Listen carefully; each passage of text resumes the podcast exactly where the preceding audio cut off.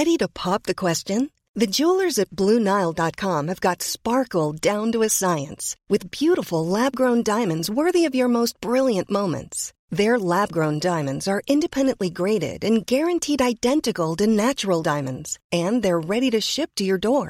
Go to BlueNile.com and use promo code LISTEN to get $50 off your purchase of $500 or more. That's code LISTEN at BlueNile.com for $50 off. BlueNile.com code LISTEN.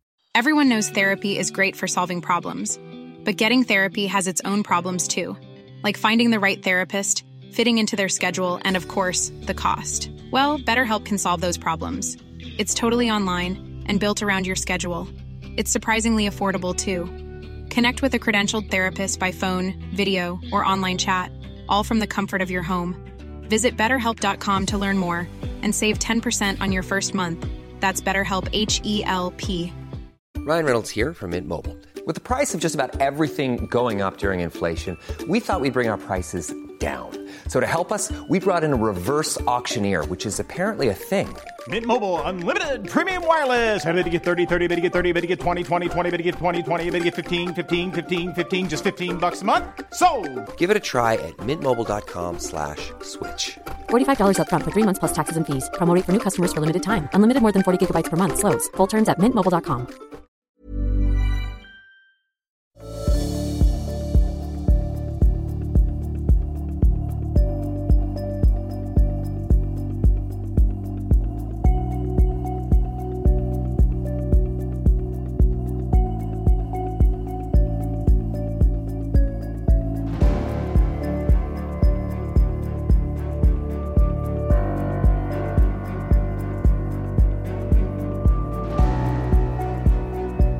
Du lyssnar på podcasten Samtal, en podcast med fokus på fria samtal. Den här podcasten presenteras av tidningen Bulletin. Om du vill få tillgång till samtal sju dagar före alla andra så kan du gå in på www.bulletin.nu och bli prenumerant. Då får du också ta del av hela Bulletins premiumutbud. Kom ihåg att Bulletin också finns som app till både iOS och Android. Länkar hittar du i beskrivningen till det här avsnittet eller på min hemsida www.samtal.ax. Jag släpper nya samtal alla onsdagar året runt och jag tar tacksamt emot tips ifall det finns någon du vill höra i podden. Idén bakom podden är att fokusera på fria samtal. Jag tror att öppenhet är grunden för det demokratiska samtalet och jag vill uppmuntra dig som lyssnar att exponera dig för samtal med någon du inte håller med. Jag heter Jannik Svensson och du lyssnar på podcasten Samtal. Hanif Bali är riksdagsledamot, poddare och programmerare. Han har flera gånger hamnat i blåsväder på grund av sin ton på Twitter. Välkommen hit Hanif Bali. Tack så mycket. Du är fortfarande lite i chock efter att jag sa att det är två timmar det här formatet. Ja, det är helt otroligt. Vem lyssnar på två timmar av mig, undrar jag. Alltså det var, jätte, man? det var jättemånga som sa så i början, men alltså du ska bara veta. Den här är ju, den här är ju rakt av kopierad från världens mest framgångsrika podd, det vill säga Joe Rogan, och han brukar ju sitta i fyra timmar ibland. Ja, men han är hög. Det är inte jag. Det är en stor skillnad. Kanske vi kan ordna det. Nej, På något verkligen sätt. inte. Ja. Nej, det kanske inte ska. Men du måste ju vara hög på lycka som har fällt regeringen, Stefan Löfven 2 idag. Ja, det handlar inte om eh, att fälla regering. Det, det kan alla göra. Det handlar om vad som tillsätts efter det. Mm. Tror du att ni kommer att vara i den regeringen? Eh, jag hoppas det. Ja, men jag vet inte. Jag är faktiskt väldigt osäker. Mm. Jag brukar ju inte vara så här aktuell när jag spelar in poddar. Jag brukar försöka göra det så att Ja. man ska kunna lyssna lite nu och du. Men jag tycker ändå att det här är en så pass, det är en så pass viktig grej så att vi, vi behöver ändå ta igenom det här. Eh, Mm. nu, nu kommer, det här släpps på onsdag då för Bulletins lyssnare och, och, och så, men, men lite allmänna ordalag. Vad tror du om, om tror du att ja, jag kan börja så här, min analys. Jag tror att, att Nooshi har, har gjort det här för sin egen skull. Eh, hon har gjort det här för att liksom sätta sig själv på kartan och för att visa för eh, Stefan Löfven och, och hans gäng av, av miljöpartister och socialdemokrater att hon, hon nog kan och nu har hon visat hela så hon har gjort sig cool för hela Sverige. Och jag tror att det som kommer att hända nu är att samma regering kommer att uppstå på nytt. Bara det att de har liksom fått igenom det här och, och Vänsterpartiet kommer att gå som en prestigevinnare ur. Vad tror du om den analysen? Nej, jag tror inte det stämmer. Jag tror det är så enkelt som att Vänsterpartiet sa inför inte marknadshyror, alltså inför inte punkt 44. och sen försöker de införa punkt 44. En shit hits the fan. Alltså jag tror inte det är svårare än så faktiskt. Mm. Ja, och du lär ju veta mer. Du har ju jobbat med Mm. svensk politik som proffs. Ja. Men, men jag, jag tänker, det är, det är lite vad jag, alltså, jag, Mm. det känns inte som att det är omöjligt att den här regeringen kommer att uppstå på nytt. Eh, om de tar bort punkt 44. Men eh, det Nooshi Dagostar har också sagt nu är att de inte är redo att släppa fram en regering som inte budgetförhandlar med dem. Mm. Tror, du, att- tror du att den här regeringen kommer att göra det? Eller den som föll nu? Eh, det beror på Centerpartiet. Ja, och de är ju inte, de är ju inte force to be reckoned with. Liksom. Ja, men alltså de, eh, det beror på om Centerpartiet är redo att budgetförhandla med ehm, Vänsterpartiet eller på något sätt skapa någon form av avtal med liksom skapa ett avtal med eh, ja, Stefan Löfven som i sin tur budgetförhandlar med Vänsterpartiet då kanske. Mm. Men det kommer krävas alltså, om vi lägger fram en gemensam budget och Centerpartiet inte är med på deras budgetbåt så kommer ju vår budget vinna över deras budget. Mm. Mm. Och vad, vad tror du om, om ehm, Moderaterna, KD och, och eh, Liberalerna med stöd av SD? Är det, är det en möjlig regering? Eh, ja, det tror jag definitivt. För då är, Det ju, då är det ju på samma premisser som Centerpartiet har stöd i en, en vänsterregering som Sverigedemokraterna stöder en, en uh, borgerlig regering. Nej, den stora skillnaden mellan en sån eventuell regering är ju att Vänsterpartiet som är med i underlaget för en sån regering idag får ju varken vara med och bestämma eller budgetförhandla. Mm. Medans en MKD eh, L eh, SD-konstellation kommer ju samtliga få vara med och förhandla. Tror du att, att Moderaterna, trots allt, alla höga hästar kring att aldrig någonsin släppa igenom Sverigedemokraterna, kommer att kunna tänka sig att göra en, en sån regering då inför valet? Eh, jag, med tanke på att min partiledare har sagt det så tror jag det. Ja, absolut. För han har ju också sagt att vi aldrig ska samarbeta med Sverigedemokraterna. Det är det Ja, det, är väl, det är väl så att säga ett löftessvek. Så att säga de väljarna som tycker det är viktigt får hålla emot honom. Mm. Men eh, det är alldeles uppenbart att eh, med tanke på hur vi agerar och hur vi samarbetar och vad vi har sagt att det är så det kommer vara. Hur är det att släppa in Sverigedemokraterna i Rosenbad? Ehm, De har ju sagt att de, in, jag vet inte om de vill ha ministerposter, vill de ens ha det? Ehm, Sist jag pratade med en sverigedemokrat om det så sa de att de inte ville ha det. De vill liksom inte, de vill ju vara dansk folkparti, bara sitta i parlamentet och få bestämma, Mm. men inte slippa bära ansvaret. Mm. Så jag vet faktiskt inte hur de hade tänkt sig det. Och om det blir ett extra val då, tror du att eh, Liberalerna eller MP åker ut då? Mm. Ja, det ser mörkt ut för Liberalerna.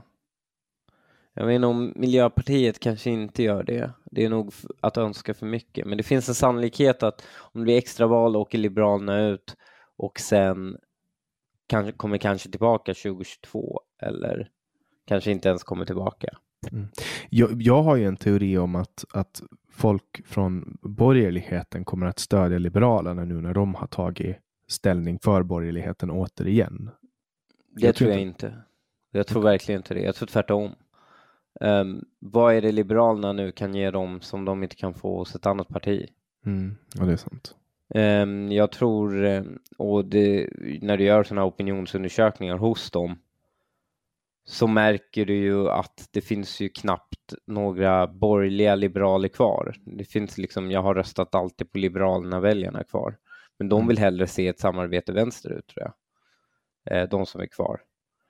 Och, vad, och, och, och Miljöpartiet då? Vad, vad får du att tro att de kan vara kvar? De var ju så jävla på gränsen förra valet alltså. ja. Det var ju den där varma sommaren som räddade dem. ja, det är en varm sommar nu också. Ja, fast inte lika varm. Då fick man ju fan nödslakta halva Sveriges eh, nöt. Mm. Nej, men jag tror inte det. Jag tror inte det är vädret som styr MP, men eh, jag tror att eh, MP kommer räddas av det enkla faktumet att många rödgröna alltså många sossar och skit som vill ha kvar dem kommer rösta på dem.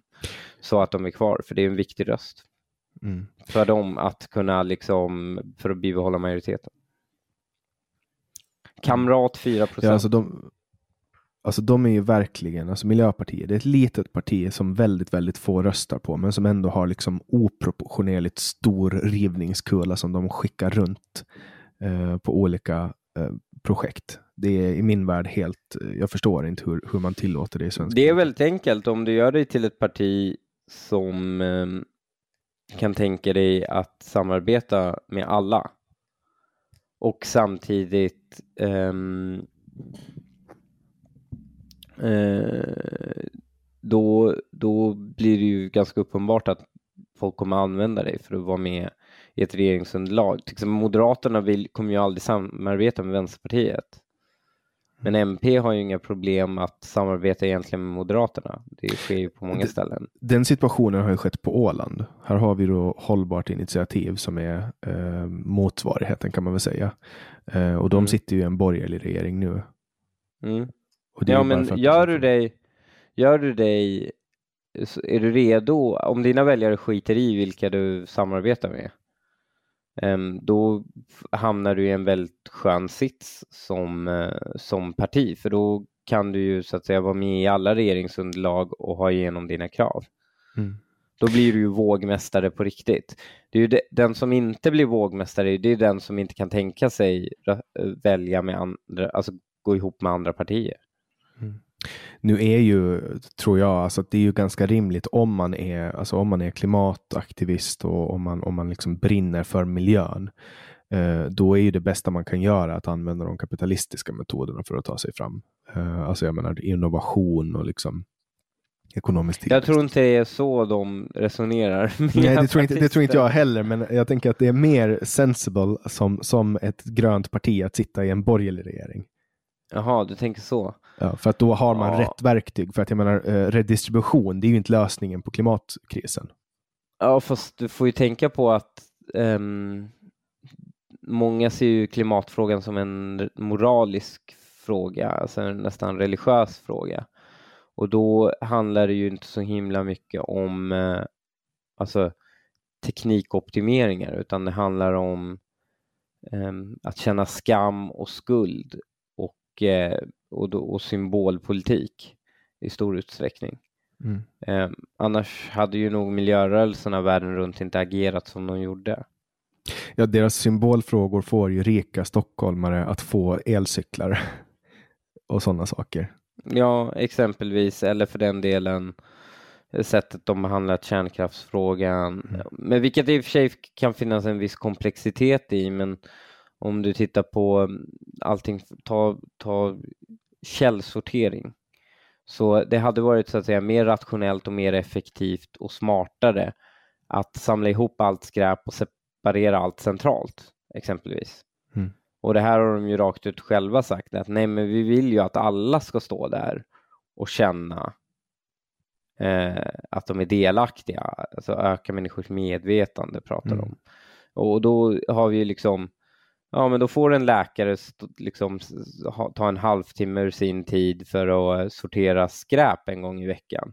Medan vi hade kunnat centralisera det eh, och, och separera det vid, vid sopcentraler, men det gör vi inte. Och man blir ju påmind om den svenska politiken. Alltså varje gång eh, som jag går till Ica och handlar och får betala sju kronor för en plastpåse. Eh, Mm. Som man vet att inte på något sätt har någon, någon miljöpåverkan på det sättet. Liksom. Det man påstår i alla fall. Man påstår att det ska vara bra för klimatet och så vidare. Då blir man ju påmind om att vi är under kontroll.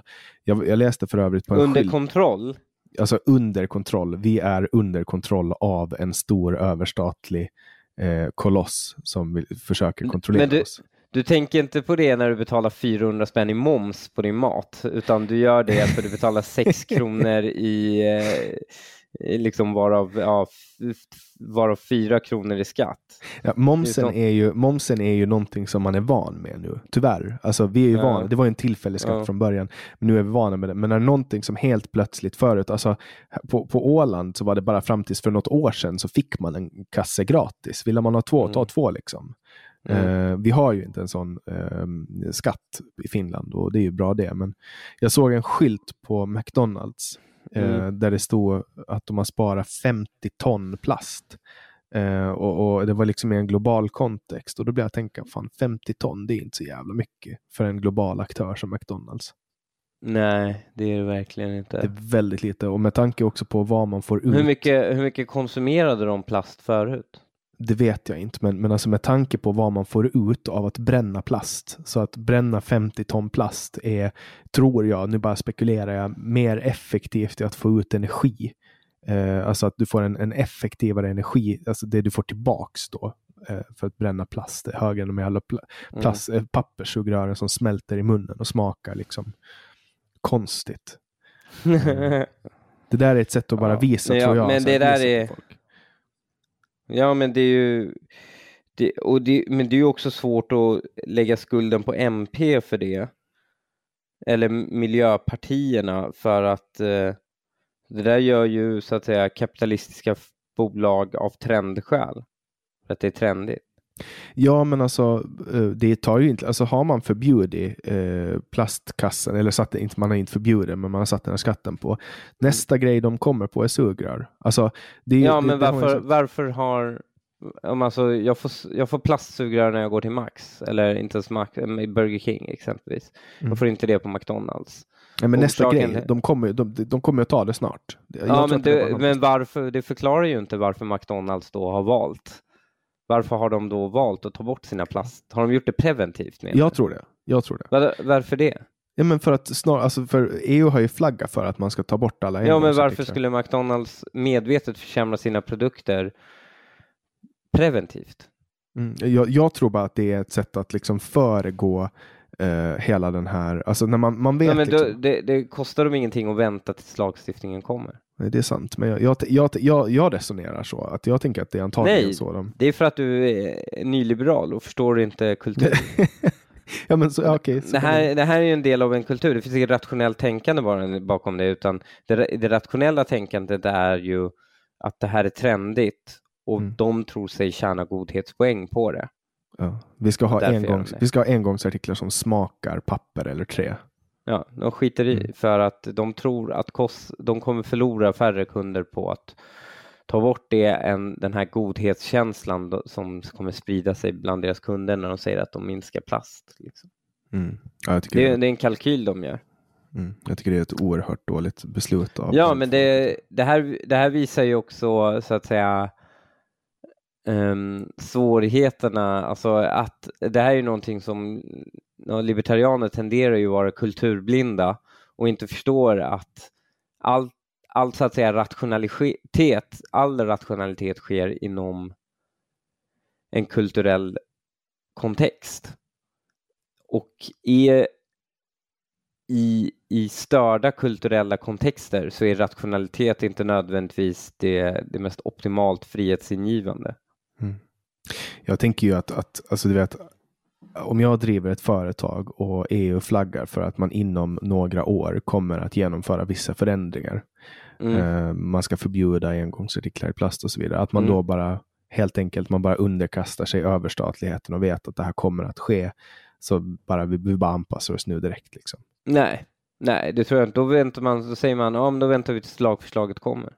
Mm. Så för, alltså man höjde ju inte plastpåseskatten förrän den gick igenom ju.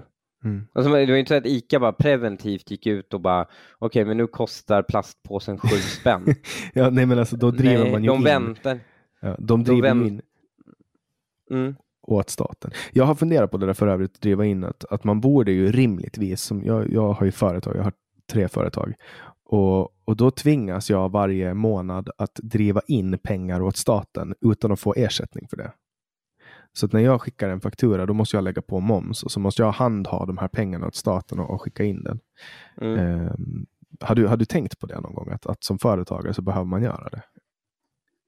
Ja. Eller du- hur handhar du det åt dem? De, dra, de lägger ju skatten på dig, inte på fakturan. Nej, men alltså jag, Det är ju jag du tvingas- som är momsskyldig. Jo, jo, du- men det är ju jag som tvingas springa statens ärenden. Nej, för skatten är på dig. Skatten är ju inte på den som betalar fakturan. Skatten är ju på den som säljer varan. Mm. Men staten säger jag vill ha 25% på allt du gör. Vill jag ha Ja. 25% på. Ja, Mm. Och då lägger Och det jag på på det. 25% ja att du lägger på 25% eller att du tar den i din egen kassa skiter väl staten i. Ja, ja, alltså de skit, men de säger ju att jag, det ska ju vara 25 moms. Jag tycker att eh, handhavande argumentet ett, ehm, eh, den är, ja, det köper jag inte. Därutöver, det om, omvända problemet, nämligen att staten bara tar pengarna rakt ur transaktionen, som källskattesystemet i Sverige, som löntagarna har, där, där du inte ens ser pengarna. Mm. Staten skickar fakturan direkt till arbetsgivaren och du ser inte pengarna som skatten, utan du får pengarna efter skatt. Eh, Det är ju ett, det är ju ett system som så att säga bidrar till mer ofrihet för att människor inte ser vilken skatt de betalar då. Mm. Och att man kallar det någonting som det inte är. Man säger arbetsgivaravgift istället. Ja, exakt. Det är en skatt. löneskatt. Ja, Ja. det är en löneskatt. Och det är ju också eh, liksom ehm, det är ju, det är ju, då är det kanske rimligare att ha ett system där du handhar skatten och alltså så att säga att staten kräver dig att handhava eh, ja, som momsen som företagarna har eller all skattebetalning som företagarna gör. Nämligen att de är ju långt med, de immuniseras ju mot skattehöjningar då. I och Mm. med att de ser hur mycket skatt de betalar. Exakt, att det står du, du, Ja. du har betalat så här och så här mycket. Du har Men tjänat hade, så, så mycket. vad hade du ansett var det så att säga mest libertarianska då? Hade det varit att dra in att, de drar, att staten drar pengarna automatiskt och du slipper handha den åt dem? Eller att eh, du handhar den åt dem? Ehm, jag tycker inte att alltså, så det mest libertarianska, det ska inte vara någon skatt överhuvudtaget. Ja, men det är det. en Men nu, nu får du välja. Ja. Nu får du välja. Nej, men då tycker jag, då tycker jag ju att, att alltså för det första så ska man ju sätta sig, alltså i en, i en utopi, då sätter man ju sin egen skatteprocent. Man, Ja, man- ja absolut. ja. Nu, nu, låt säga att det, det spelar ingen roll så att säga om det är utopi eller inte. Nu har du nu har du valet här. Du ska göra Sverige mer libertarianskt imorgon i en votering. Och då har du, ska vi ha källskattesystem eller att du får handha skatten? Nej, men då, då handhar skatten, absolut. Alla dagar. Så du är redo att kompromissa med libertarianska principer bara för att frams, få mer frihet i framtiden? Alltså nu, nu sätter du mig på pottan, det är ju inte det som är tanken. Men du, du är jävligt bra på det. Eh, och jag hör, jag hör ju att du är inte libertarian. Nej, om- jag var om- det som... Jag har ju varit det. Det är därför jag kan allting. Eh, alla argument som gör som mest ont. För att eh, eh, jag har ju själv vuxit ur libertarianismen. Så vad är du nu? Eh, nej, men jag är väl liberalkonservativ skulle jag ju kalla mig. Nämligen att eh, jag tror på fria samhällen men jag anser att de här fria samhällena växer ur ett kulturellt kontext och därför gäller det att vara väldigt konservativ med hur man så att säga når den, maximerar den friheten. Och när du pratar om en kulturell kontext, pratar du då om historia, eh, alltså den, folk och historia? Eh, s- Ja, men folks kulturella kontext formas ju såklart av historia. Eh, men, men alltså hur, vilka seder och normer och tankemönster som en, en befolkning tenderar att gå efter. Eh, det är jätteviktigt. Alltså, om du skulle starta, det är ju därför Somalia inte blir ett libertarianskt paradis, för det är ett klansamhälle. Vadå, staten är inte där, det borde ju bara uh, blomstra, det finns noll skatt där, det borde ju bara blomstra ju. Eh, men det gör inte det. Varför det? Men vadå? Då, då borde ju så att säga enligt den libertarianska logiken borde ju så att säga frivilliga människor eh, skapa otroligt mycket effektivare arméer eller sånt än de här klan liksom islamska domstolarna som finns som styr där liksom. Utan bara frivilliga människor med, med den osynliga handen skapar privata arméer som bara spär skiten ur dem. Men det, så blir det ju inte. De har ingen att de- kultur av företagande och så vidare, utan de är. Nej, ja, eller de har ingen kultur av civil eh, organisering. De har, in, de har en stark klankultur, nämligen de har en väldigt svag in, individualism eh, i deras kultur. De har en väldigt patriarkal eh, kultur. Alla de här sakerna bidrar ju till att ehm, du, du får de här effekterna. Alltså det är ju samma sak um, om du till exempel tillåter eh, månggifte i ett samhälle så kommer det ju såklart, eh, då kommer det ju inte, då kommer det såklart leda, särskilt i ett samhälle där människor kommer från patriarkala kontext. Det kommer ju leda till ett väldigt våldsamt samhälle, det vet vi ju. Det kommer vara väldigt många ogifta män eh, och de här ogifta män tenderar att vara väldigt våldsamma. Ehm, alla de här sakerna leder ju såklart till att du inte kan få det här libertarianska utopin.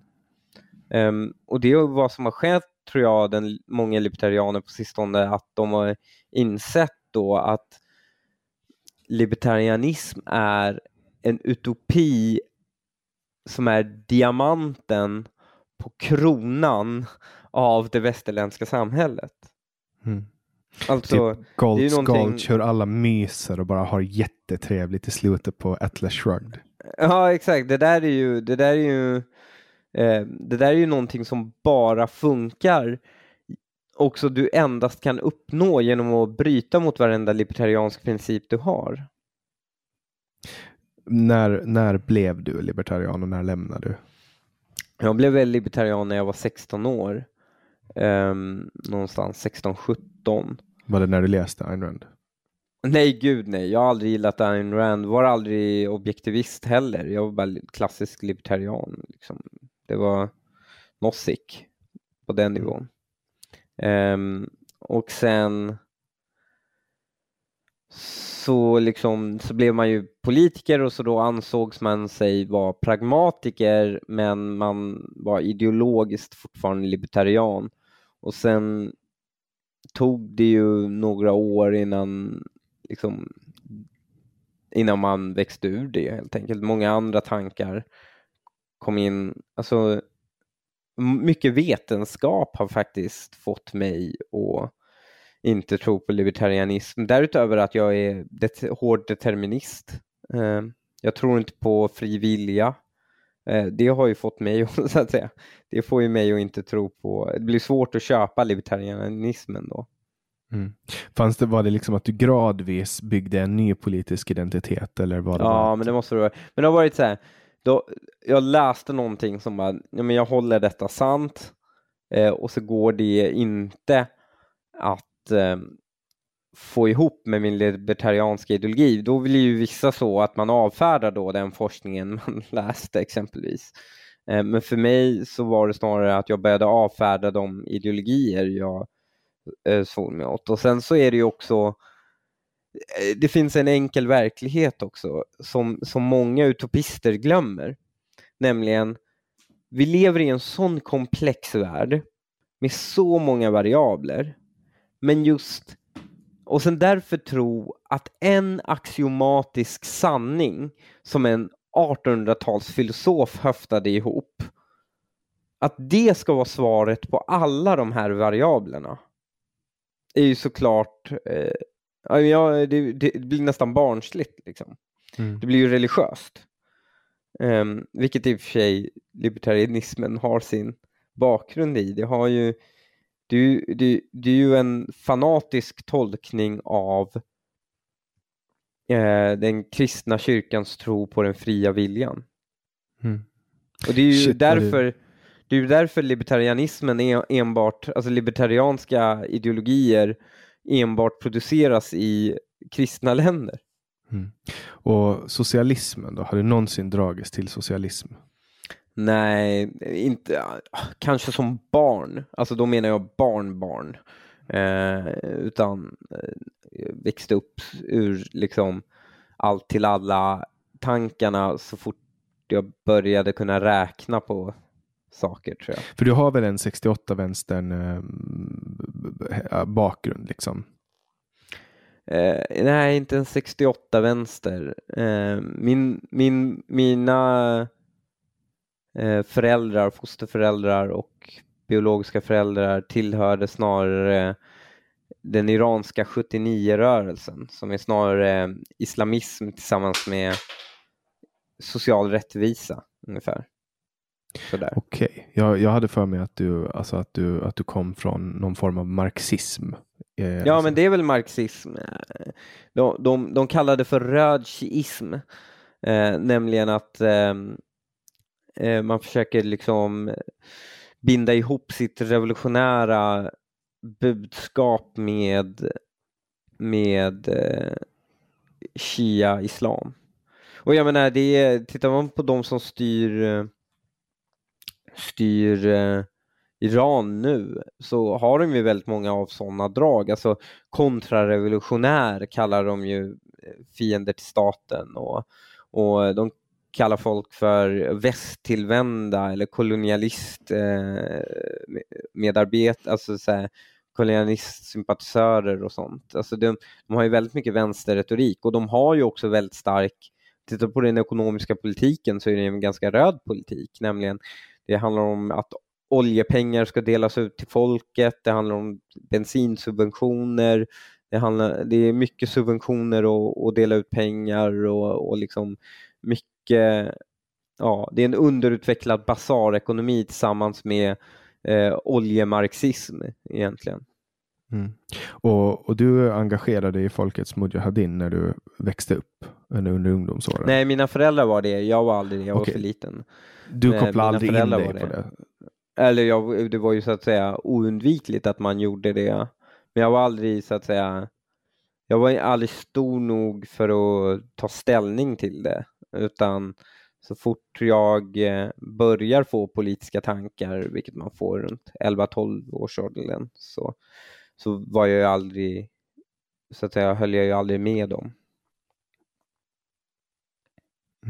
Och du, du, gick, du anslöt dig till Moderata ungdomsförbundet som 15-åring?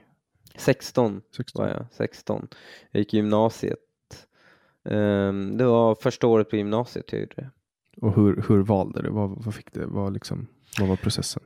Eh, det var en libertarian som stod i skolan från MUF och pratade om att eh, man skulle bomba skiten ur Saddam och eh, liksom installera frihet. Mm. Och det var ju det som då, då, han drog ett libertarianskt argument egentligen.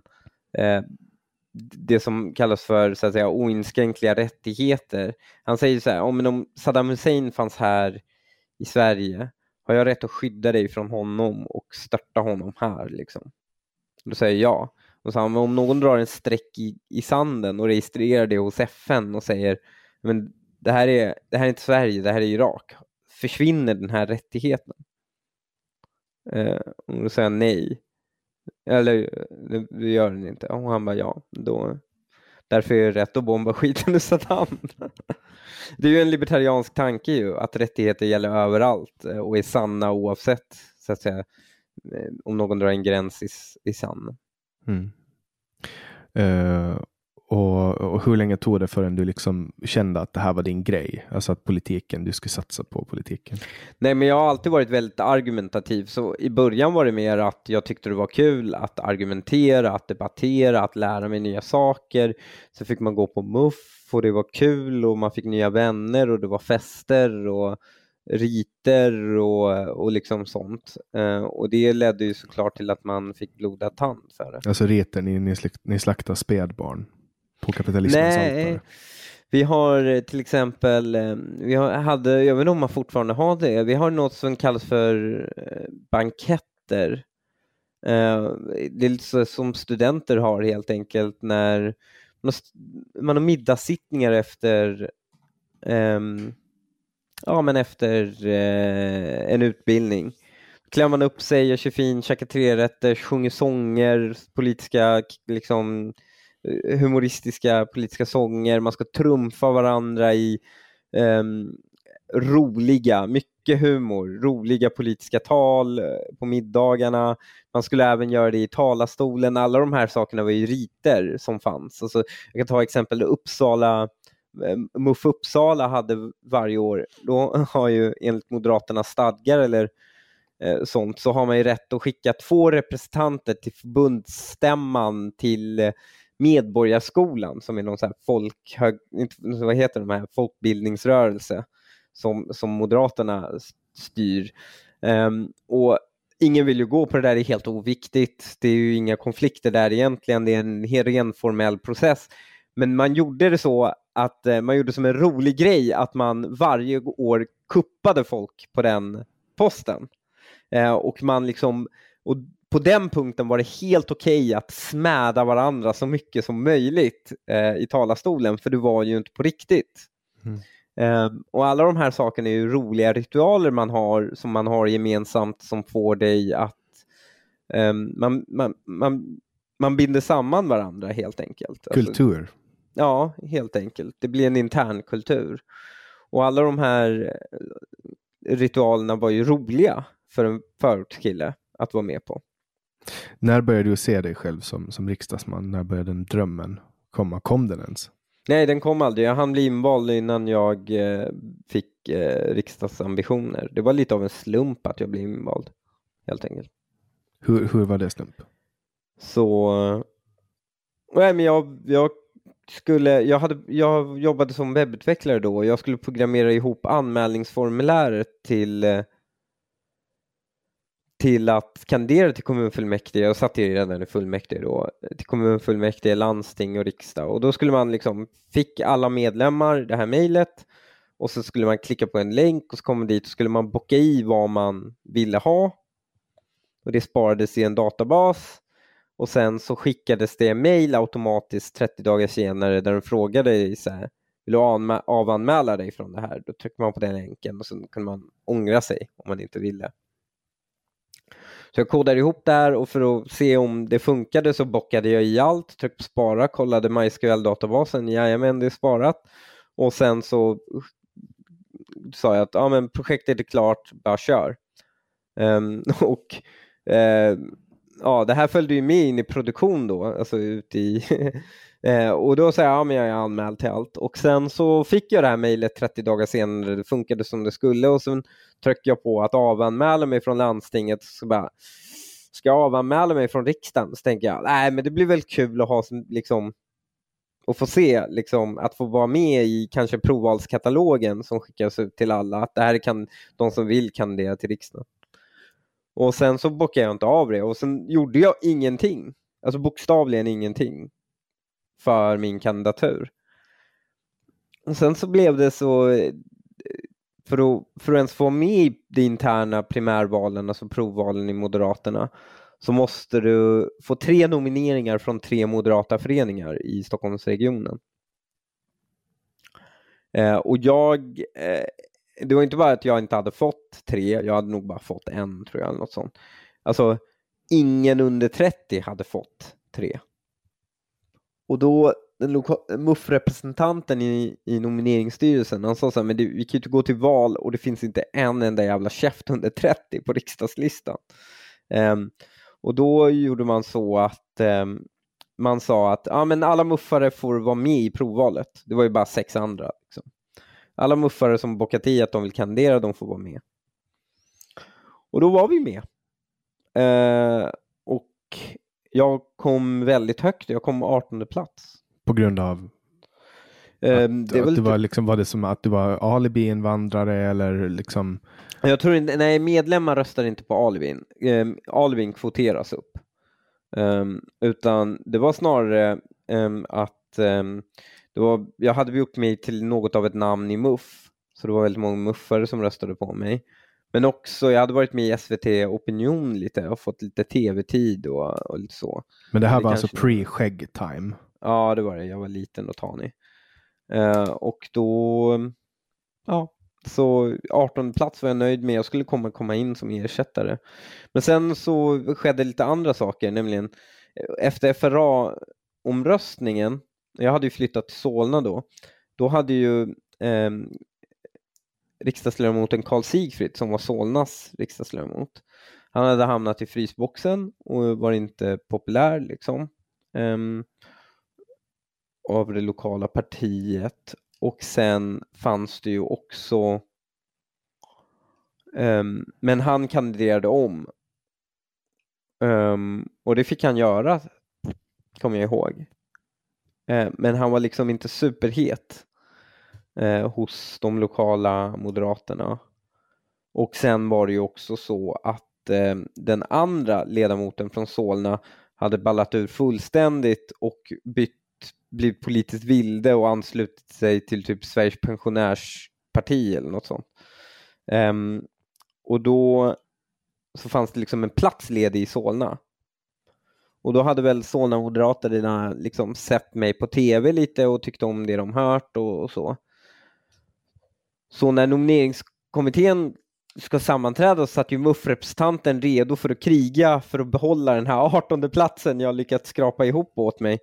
Eh, men det vi helt hade glömt bort var att eh, Solnas starke man eh, Lars-Erik, han hade ju liksom eh, han satt ju i nomineringskommittén och han bara liksom slog ut armarna och sa han Ja, nej grabben är från Solna, det är min grabb, det är klart han ska vara nia.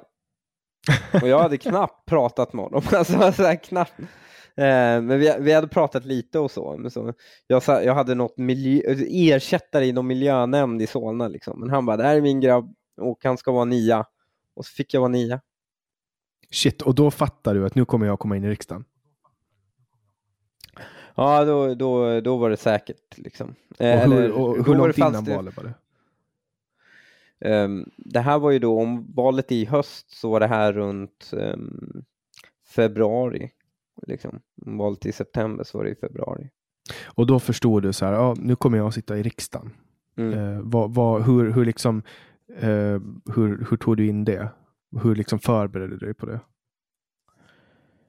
Uh, när jag började förbereda mig för valrörelse, att liksom ge tillbaka till det förtroende man hade fått från partiet, att liksom kämpa ihop många röster till partiet. Mm. Alltså för den där, den där upplevelsen, den är så annorlunda jämfört med, med den som, som vi har på Åland. Jag har varit med två gånger i, i, i val uh, och då har man ju liksom allting är på valnatten, men vi har ett personvalssystem. Mm. Uh, och andra gången, då blev jag invald som, som första ersättare. Mm. Uh, och vi har 30 platser och, och, jag hamnar på plats 31 och då stod det klart på valnatten liksom, att jag har blivit invald. Jag hade inte eget mandat, men, men jag visste att jag skulle åtminstone få sitta under, under övergångsregeringen. Uh, och, och det, det, känns ju lite mer som, alltså, alltså att man vet inte riktigt vem som kommer, alltså man vet ingenting förrän valnatten. I Sverige så vet man liksom vem kommer att representera, allt det där är valt på, på förhand. Ja. Tror, du, tror du att ett rakt av ett personvalssystem skulle vara bättre för Sverige? det som vi har på Åland till exempel. Det är så mycket som måste förändras då i svensk eh, eh, alltså i svensk kontext för det. Men, eh, ja, men Socialdemokraterna har ju alltid velat ha personval med enmansvalkretsar. Det har mm. de ju alltid velat ha för att det hade varit en garanti för dem att vinna val liksom, och dominera. Alltså hade vi haft enmansvalkretsar i Sverige hade ju Socialdemokraterna haft egen majoritet. Vad innebär enmansvalkrets? Um, att en person blir vald från ett distrikt. Och, och då minskar man alltså ner på antal mandat eller, eller ökar Nej, nej, nej, utan du gör alla distrikten e-, enligt med hur många ledamöter du har. Um, och sen försöker du ha dem lika stora ungefär. Okej, okay, det blir som i USA alltså, att den som vinner distriktet får mandatet. Exakt, eller, eller i um, Storbritannien exempelvis. Mm, just det. Jag förstår. Uh, för jag, jag, tror att... Eller har det... ni, har ni eh, blandade valdistrikt men strikt personval då, eller? Vi har rakt av personval. Ja, men alltså, men väljs man för ett område? Nej. Nej. Inte, inte, lagting, inte i Ålands lagting. Där är det så Men här, hur, hur eh, prioriter, hur, låt säga jag vill rösta på Moderaterna och det är en viss person i Moderaterna jag måste kryssa. Mm, Nej, röstar... Eller Samlingspartiet heter det, förlåt. Jag vill rösta på Samlingspartiet. Ja, det är, det är Finland. Eh, Jaha, uh, okej. Okay. Vad heter den hos er?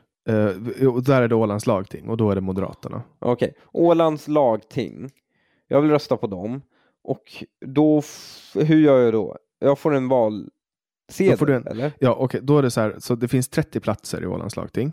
Mm. Uh, och då får vem som helst får ställa upp en lista. Och på mm. den listan får vem som helst ansluta sig till. Och då har Moderaterna en lista, Socialdemokraterna en lista, Liberalerna en lista, Centern en lista. Vi tar dem bara för att göra det enkelt. Mm. Och, och då då kan jag ansluta mig då. Jag, jag ställde upp på Liberalernas lista. Nu har jag hoppat av och bytt parti till ett parti som heter Obunden Samling. Men jag ställde upp på Liberalernas lista, vilket innebär att alla som röstar på mig ger sin röst till Liberalernas lista. Mm. Och, och den som får flest röster på den listan kommer högst upp i mandatfördelningen. Så, så jag Jaha, på... så ni har får, ah, nu förstår jag. Så ni har mandatfördelning enligt röster på parti, får ni, Ja, men, men man rankas i inom sin Sverige, egen lista. men, men ni har ingen spärr för personval Exakt. som man har i Sverige. exakt. Okej, men prioriteringen, prioriteringen på den listan, alltså när man, vem gör den? Det, den räknas enligt Duhonts. eh, så att man allting ändras om då till nyckeltal. Nej, men jag Mm. undrar, okej, jag, jag, då, då får du säga, här är 30 namn som ställer upp för Liberalerna, Mm. exempelvis. Och den som, den som får första Ordningen på den, Ja, för den som får första mandatet, det är den som har flest men det vet röster man ju inte listan. före väl? Nej, det vet man Det inte vet före. man. Det, det är därför det är en spä, ett Nej, exakt. Exakt, men, men själva det som presenteras för väljaren, Mm. Det, är bara, vad är det? det är en lista med alla namn. Ja, men den har väl en ordning? Nej, Hur, hur presenterar du en lista som inte har en ordning? du bara sätter ut en lista. Uh, med men en namn. lista har alltid en ordning. Okej, okej, så här då. Eh, när man lämnar in listan till den här, val, eh, till den här eh, Mm. valnämnden, då tilldelas alla ett nummer. Mm. Och det numret skriver man på. Så att jag fick ett nummer och de som röstar Aha. på mig skriver på det numret. Så alla måste memorera din valaffisch liksom. Det är ingenting man kan kolla upp liksom. Eh, jo, du, kan, du, får, du har alla listor står i valbåset. Aha, i Ja. valbåset. Men du kan inte Okej. lägga en röst på ett parti. Men, utan, men ordningen på den undrar jag. mm. För jag menar, blir det inte så att den som står längst upp på den listan är den som oftast får flest röster? Nej, det är oftast partiledaren som får flest röster. För folk som röstar Ja, bara men på hamnar inte han längst upp på den listan? Nej, Nej, det randomiseras. yes, liksom. det är helt randomized. Eh, så att då Jaha. till exempel då, säg att, säg att om vi då är 30 personer. Spännande. Ja, Ja, men hade, jag- det varit, hade det varit så hade jag ju varit liksom... Ja, då hade jag ju fått... Statsminister. Nej. Ja, Men Nu ja, då glimtar, hade, det, man, gl- det glistrar till i dina ögon. då, blixtrar då till. hade jag varit första namn från Stockholm. Mm. Och det är det. Jag tror ju att det här systemet skulle vara bättre för er i Sverige, det vi har. Alltså att alla inom en lista, då, mandat, ma- den som får första mandatet är den som får flest röster. Mm. Och andra och så vidare. Får någon neka dig att vara med på deras lista? Ja, partistyrelsen bestämmer. De- Det är de som Det bestämmer. hade, det hade varit så jävla bra. För då hade man sluppit, ja, det, ibland hanterar man, i och med att svenskar är väldigt konflikträdda, så hanterar man istället för att stryka folk helt och hållet och bara, men du ska inte ha något i vårt parti att göra, så lägger man dem lite längre ner. Mm. Och det öppnar ju upp för liksom klanröstning, helt Mm. enkelt. Ja, exakt. Och liksom sådär. Nej, men det, är så här, man, det är ju partistyrelsen som nekar. Alltså så här, eh, Mm. När man fastställer listan och, och, då är det, då, och alla partier gör olika, liksom, hur de bestämmer. Partierna inom sig bestämmer. Så här, ja, men nu tycker vi att den här listan är bra. En del har partiledaren som säger ja eller nej och så vidare. Men, men jag tror att om man skulle byta de här systemen, att vi på Åland skulle ha det system ni har och ni i Sverige skulle ha det system vi på Åland har, då skulle vi få det bättre. Därför att nu har vi personval alltså rakt av personval, vilket gör att alla kör sitt eget race och folk ställer upp i det parti de tror att de har störst sannolikhet att bli invald på. Därför att Mm. du kan komma in i första valet som jag ställde upp i 2015. Då fick jag 62, 63, 64 röster ungefär. Eller något sånt. Jag kommer inte ihåg exakt. Fan. Och då skulle jag ha, om jag skulle ha ställt upp för ett annat parti, Vänta, va, vänta. Hur många röster får typ partiledaren i en sån? eh, 500 röster ungefär. Oh my god, så det räcker med en klan? Ja, men det finns det inte klaner på Åland, det är det som är grejen. Ja, det Du har, du har om skärgården, du- skärgården är klanerna. Ja, Så här, om- Jag bara säger, en större släktkonstellation. Om jag skulle liksom vilja ta över Åland och lyckas bli medborgare där på något sätt, eh, gifter in mig eller något, eh, då, då hade jag ju omedelbart börjat gifta bort massa eh, liksom döttrar till folk och, och så. Skapat min klan och Mm. sen så, så de finns jag ju. skiten. Skärgården finns ju och det är de som har, alltså får du med dig en skärgårdsö, då har du ett säkert mandat. Så får du alla på en ö att rösta på dig, då kommer du in. Men jag var i alla fall första, första Men gången jag ställde upp i 60 val. pers, det är ju liksom inte svårt. Nej, det är inte, men alltså, du ska ju tänka att det är ju alla, alla röstar ju på, på alltså, eh, alltså du, du ska ju få folk att rösta på det också. Ja, men ja. men jag, ställde, jag ställde upp för Liberalen då. Skulle jag ha ställt upp för obunden samling, då skulle jag ha fått ett eget mandat. Nu, nu är jag med i obunden samling. Ah, Och nu, och, och, eller för Socialdemokraterna, det skulle aldrig komma med på tanken. Men, men då skulle jag ha fått tillräckligt många röster för att komma in. Eh, så att det där är, det, det Men då, då är det nästan bättre att vara med i ett parti som har många mandat men väldigt populär partiledare. Exakt. För då kommer man ju in, för då får Yes. ju inte de andra. Det är så, social, det- det, det- är så Socialdemokraterna kvoterar in män. men, det, men det är ju liksom, det är ju så till exempel Miljöpartiet kom in i, Miljöpartiet skedde i Borlänge, de hade liksom nio pers på sin lista, de hade två mandat ehm, och deras väljare liksom kryssade ju ingen. De bara valde MP för att det var MP liksom. Mm. Och då var det ju några grabbar längre ner på listan, två herrar av um, somalisk börd, som, ehm, eh, som såklart hade en större familj än, och, och umgängeskrets så att säga än vad som krävdes för att komma etta på listan och spöa partiledaren. Så de fick typ 60 röster och det var det som krävdes. Liksom. Mm.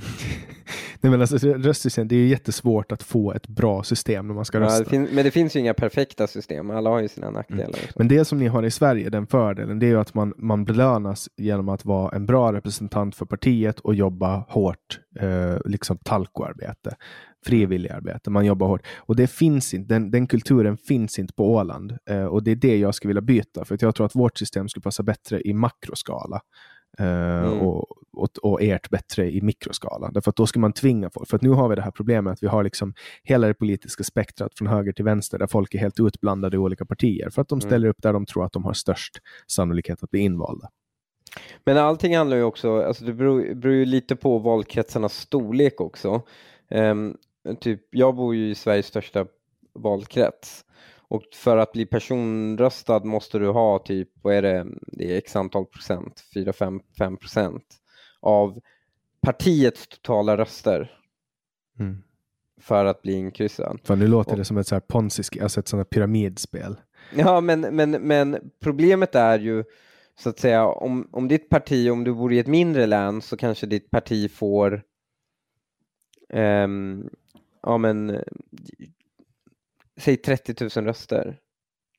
Alltså 5 procent av det, alltså det går ändå att göra. Alltså en normal människa kan ha kontakt med så många människor. Mm. Men för att jag ska kunna bli inkryssad så måste jag liksom rekrytera liksom 6 000, 7 000 människor för, Mm. bara för att klara spärren. Vilket alltså ingen någonsin gjort i Stockholms län förutom de som är etta på listan. För många kryssar ju bara ettan av, av bara för Och att. om du bara lämnar en sedel, eh, då blir det ju ettan. Om jag förstår Nej, det blir inte ettan, det blir inget kryss på ettan, då blir det bara en röst. det. Okej. Men det, gör ju, det är ju liksom, det är ju omänskligt att försöka övertyga 10 000 personer som nobody. Förstår du? Mm. Om du inte Så har en, är- en präst i en församling eller en ledare i en församling som, som säljer alla sina församlingars röster. Ja, men det, jag tror inte ens det skulle gå. Men vad då det har ju gjorts. Nej, det har aldrig gjorts. Det har försökt köpas.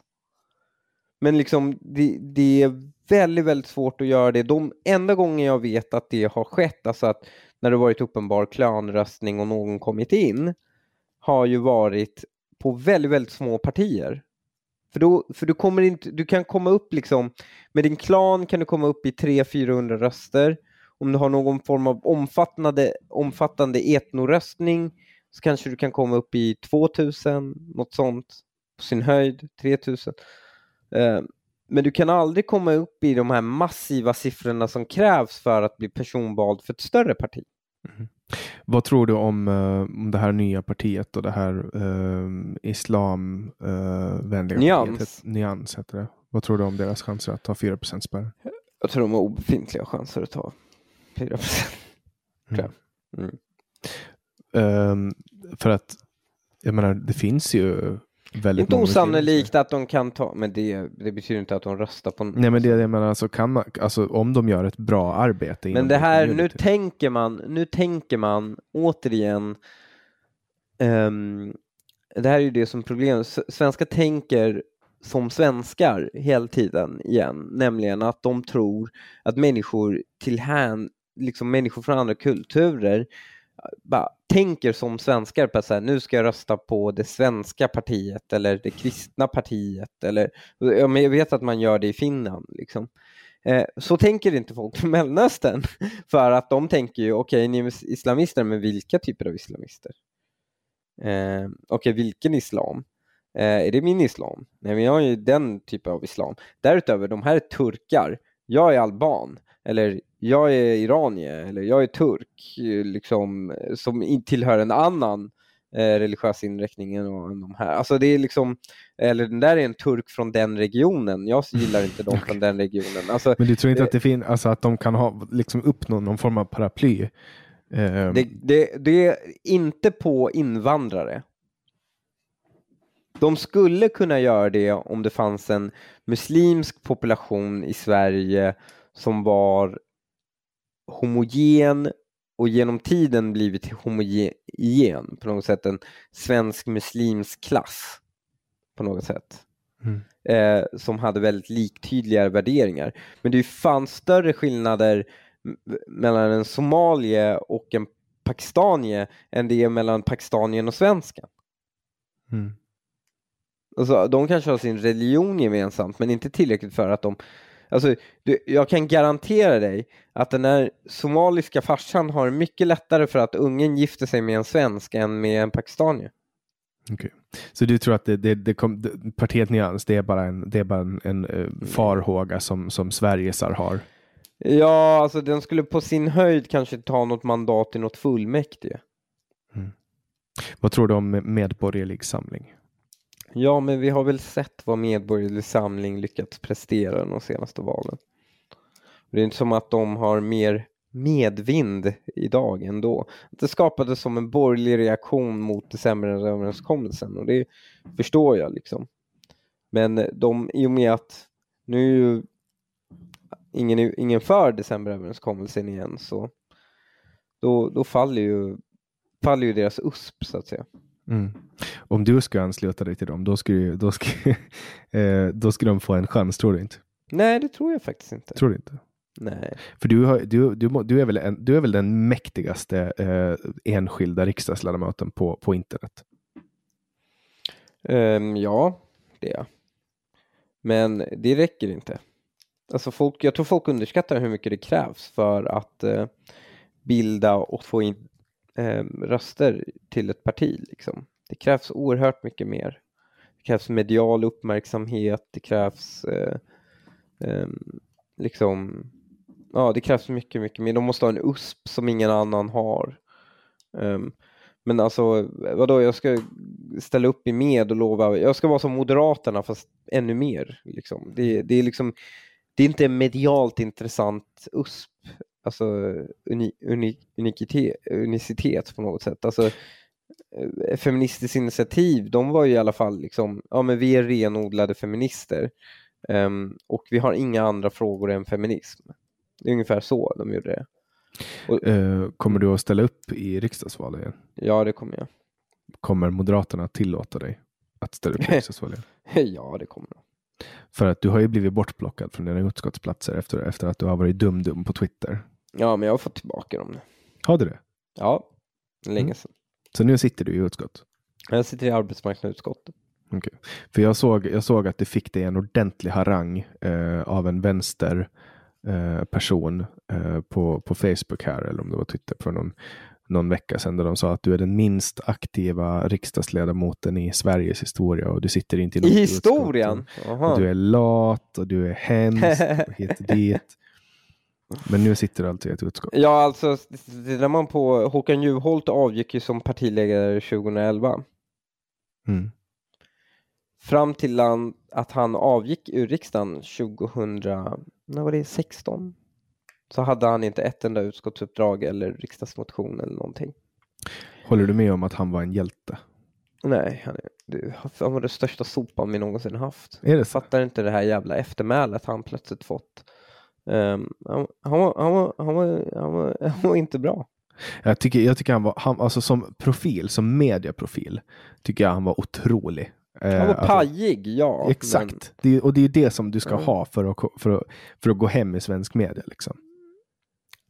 Jag säger inte Ja. att hans politiska gärning har varit Alltså bra. man ska komma ihåg att han lyck, har lyck, lyckades få sossarna på lägre opinionssiffror än vad Löfven har lyckats med. Och det är ju bra. Det är ju imponerande. Mm, det är jättebra. Men nu är, nu nu nu är, liksom, nu är ni avskeda Stefan. Tror du att han någonsin kommer att bli statsminister igen? Efter den här interimregeringen? Eh, jo, det finns väldigt stor sannolikhet beroende på hur, om Centerpartiet väljer att backa, mm, alltså tolerera Vänsterpartiet.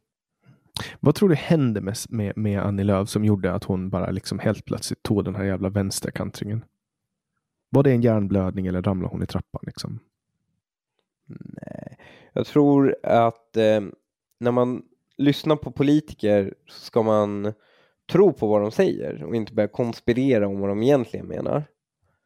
Och när, hon, när de pratar om att eh, de vill stoppa liksom fascismen och att 30-talet står inför dörren så tror de det på riktigt. Tror du att hon förenk- tror det? Ja, jag tror de tror det på riktigt. Jag tror de tror att normaliseras SD så kommer liksom fascismen och liksom mänskliga rättigheter och humanismen försvinna. Okej. Alltså det är som, det är som när vi, det, det här är ju, det här är ju, det här är ju, man gör, egentligen gör man samma misstag som um, vänstermänniskor när de försöker förstå liksom islamister. Då är det så här, ja men jag spränger upp mig själv bland de här barnen och, och i den här skolan med flickbarn liksom. Um, för att jag vill till himlen och få 72 oskulder, säger de. Och så dyker det upp en liksom vänster liksom intellektuell där. Bara, nej, nej, nej, det är på grund av socioekonomiska orsaker du gör det här. Och så, så här, står när islamisten och citerar liksom passager ur Koranen som kommer garantera honom plats i himlen. Och han tror verkligen det här. Men ändå bara, nej, nej, nej, nej, jag, jag tror inte det de menar är det, utan egentligen menar att de eh, protesterar mot det koloniala förtrycket. Så Bara så här, nej, jag vill alltså till himlen och få 72 oskulder. Och det är ju det felet man gör. Man tror, människor i, liksom, säger att de tror på något, då ska man tro dem. Det, och, och, det, och jag tror också, jag tror, om det, och det framstår helt jävla stört att spränga sig själv liksom i ett torg fyllt med oskyldiga civila. Det framstår ju helt stört att göra det. Men om du verkligen om du utgår, om du köper grundpremissen att han är bokstavstroende av att Gud har sagt det här, då är det inte så himla irrationellt. Så är det tror en att- fullt rationell handling. Så det kan vara, är det något religiöst inslag i det här att man tror Nej, att, att det är en- SD... Och nej, nej, om du tror att SD kommer leda till 30-talet och fascism och humanismens död och demokratins undergång, om du verkligen tror det, då agerar ju inte Centerpartiet irrationellt. Nej, det är sant. Det är sant. Det är helt sant. Eh, och jag, jag, jag trodde att du skulle ha en mycket hårdare dom att kasta på dem. Eh, Nej, nej, nej, alltså det, de agerar efter den verklighet de har byggt upp för sig själva. Men Eh, var, varför Centern av alla partier? Alltså, Centern var ett landsbygdsparti liksom. Nu har det blivit någon jävla signaltuta för, för liksom godhet. ja, men sven, eh, svenska folket tycker om godhet. Ja, det gör de. Men det är väl, där finns ju också, vi, vi kan ju grotta ner oss i anledningen till varför. All skam och skuld som kommer efter kriget liksom. Mm. Eh, vilket låter för mig som en ganska eh, rimlig förklaring till varför Sverige bär på någon form av skuldkomplex. Liksom. Ja, det tror jag definitivt. Har du läst Plus Flams bok? chauvinism. Ja, men det finns ju också chauvinism. Alltså Bara man- ren chauvinism. Kan, alltså, kan du förklara tror- det begreppet? Att man Alltså, vill liksom, alltså, men alltså, alltså, svenskar tror att vi är så himla mycket bättre än alla andra. och därför ska vara en av våra liksom, vi är så himla mycket godare än alla andra, vi är så himla mycket finare än alla andra. Och det leder till att man går runt och vill vara god och tror sig ha råd med allt och aldrig behövt kompromissa och liksom och den chauvinismen, tron på det svenska undantaget, att man ska visa vägen. Man, man pratar hela tiden om att man ska visa vägen, alltså vi ska visa folk vägen i feminism, att vi ska vara liksom en feministisk regering och en nation som ska visa alla andra vägen. Eh, detsamma när det kommer till klimatet, vi ska vara en klimatledande nation, vi ska visa, bana vägen för resten av världen att vandra i våra fotspår. För vi är bäst. Och detsamma var med invandringen. Vi skulle visa resten av Europa att det gick att vara humanistisk och öppna gränser och, och välkomna alla och få det att funka. Det, är, mm. det är ju chauvinism. Det, jag, jag tyckte det var jättekomiskt när den här liksom Stefan Löfven, en äldre herre liksom, som har jobbat som svetsare och fackman, går ut och bara mumlar att det är en feministisk regering. Liksom. Man vet att han skiter i de där sakerna. Han bryr sig inte ett skit. Liksom. Det tror jag inte. Jag tror han gör det. Tror du han, tror du han på riktigt bryr sig om, om den här intersektionella analysen och, och bara Um, jag, jag vet inte om han är intersektionalist, men, uh, men uh, jag tror att han, jag tror inte han förstår det ordet överhuvudtaget för den delen. Jag tror inte han förstår de konfliktlinjerna överhuvudtaget. Um, det är det många som inte gör, utan de nickar med liksom. Jag är för kvinnors rättigheter liksom. och sen är det någon som kanske är påläst i ämnet som säger ja men då ska du tycka så här och så tycker han det. Eh. Har du personligen haft en liksom privat konversation med Stefan Löfven någon gång? Nej, nej, det har jag faktiskt aldrig haft. Bara i riksdagsdebatt liksom och på tv och så? Jag har aldrig debatterat honom. Aldrig? Nej. Aha. Så du har liksom ingen personlig relation till honom? Nej, ingen överhuvudtaget. Så då, då är min relation till honom lite längre än din. Jag har pratat med honom Förmodligen. Typ, typ två minuter har jag konverserat med honom. Nej, jag har aldrig konverserat med honom. Aldrig. Jag, jag har inte varit i någon riksdagsdebatt mot honom heller. Mm. Man möter ju liksom ansvarig statsråd när man debatterar eh, sakfrågor i riksdag, inte statsminister. Ska vi prata lite om Anders Ygeman? Ja, men det kan vi göra. Anders Ygeman då, en eh, person som, som var minister under den värsta IT-skandalen i svensk historia. Mm. Kanske en av Europas. Jag vet inte. Mm. Uh, han blir liksom demotad till gruppledare för Socialdemokraterna i riksdagen efter att han har liksom orsakat mm. den här skandalen. Och sen efteråt, efter nästa val, så blir han IT och digitaliseringsminister. ja. Hur? Alltså de måste ha skrattat, de måste, alltså, de måste ha liksom suttit och druckit öl och bara hörni, ska vi se, ska vi se vad som händer om vi, om vi liksom tar Ygeman och han får bli liksom digitaliseringsminister. Alltså de måste ju ha skrattat och typ bara du vet, skrattat mycket så det sprutar ut öl genom näsan. um, jag tror inte det. Jag tror de tänker så här. Om, om, om vi ska vara seriösa med partiet. Jag tror, jag tror de tänker men Ygeman är en stabil figur som gör som partiet säger åt honom. Han, är, han tog den här kulan för oss som vi fuckade upp. Eh, kollektivt, alla vi fuckade upp det. eh, och han tog den kulan och han förtjänar att komma tillbaka. Alltså när man läser om dig eh, i tidningarna, då framstår du som hinhåle själv. Ja. Men ändå är du så jävla snäll och bara utgår ifrån att alla agerar enligt sitt samvete. Man tror ju liksom att du har så här slipade sabeltänder och äter barn. och sen, Nej, jag, är du bara snäll liksom? Ja, men, jag, men jag, jag, jag, kanske inte alltid är snäll. Jag tycker det är viktigt att vara elak ibland. Eh, men eh, man ska inte heller... Man ska ju känna sin motståndare. Och en väldigt farlig grej man kan göra är att inte förstå sin motståndare och hur den agerar. Um, och det finns liksom ingen poäng att i sitt eget huvud demo, liksom, ja, men på något sätt demonisera sin meningsmotståndare. Um, jag tror till exempel att Miljöpartiet, att de fick liksom så mycket islamister i sig inte berodde på att de egentligen tycker om att liksom, de, de vill se ett islamistiskt Sverige. Jag tror att det handlar om att de genuint tror att det här är vanliga muslimer. Och de vill vara öppna och välkomnande mot människor som råkar bara tro på någonting annat än vad, deras, än vad normen gör. Eh, och det gör ju dem såklart till ofta, alltså det gör ju dem till nyttiga idioter såklart. I och med att de inte har den cynismen som till exempel kanske jag har. Um, men det betyder ju inte att de hade någon ondskefull plan att uh, islamisera Sverige. Ja, alltså från och med nu så kommer du att vara känd som snälla Hanif. Liksom. ja, men jag kanske, det, det har ju spekulerats i att jag har ju liksom flyttat till hus och fått bonusbarn och katt och, och ut i rabatten och, och gräver liksom och odlar och, och, sånt. Att det har fått mig att bli snäll. Ja, det, det, så kanske det är.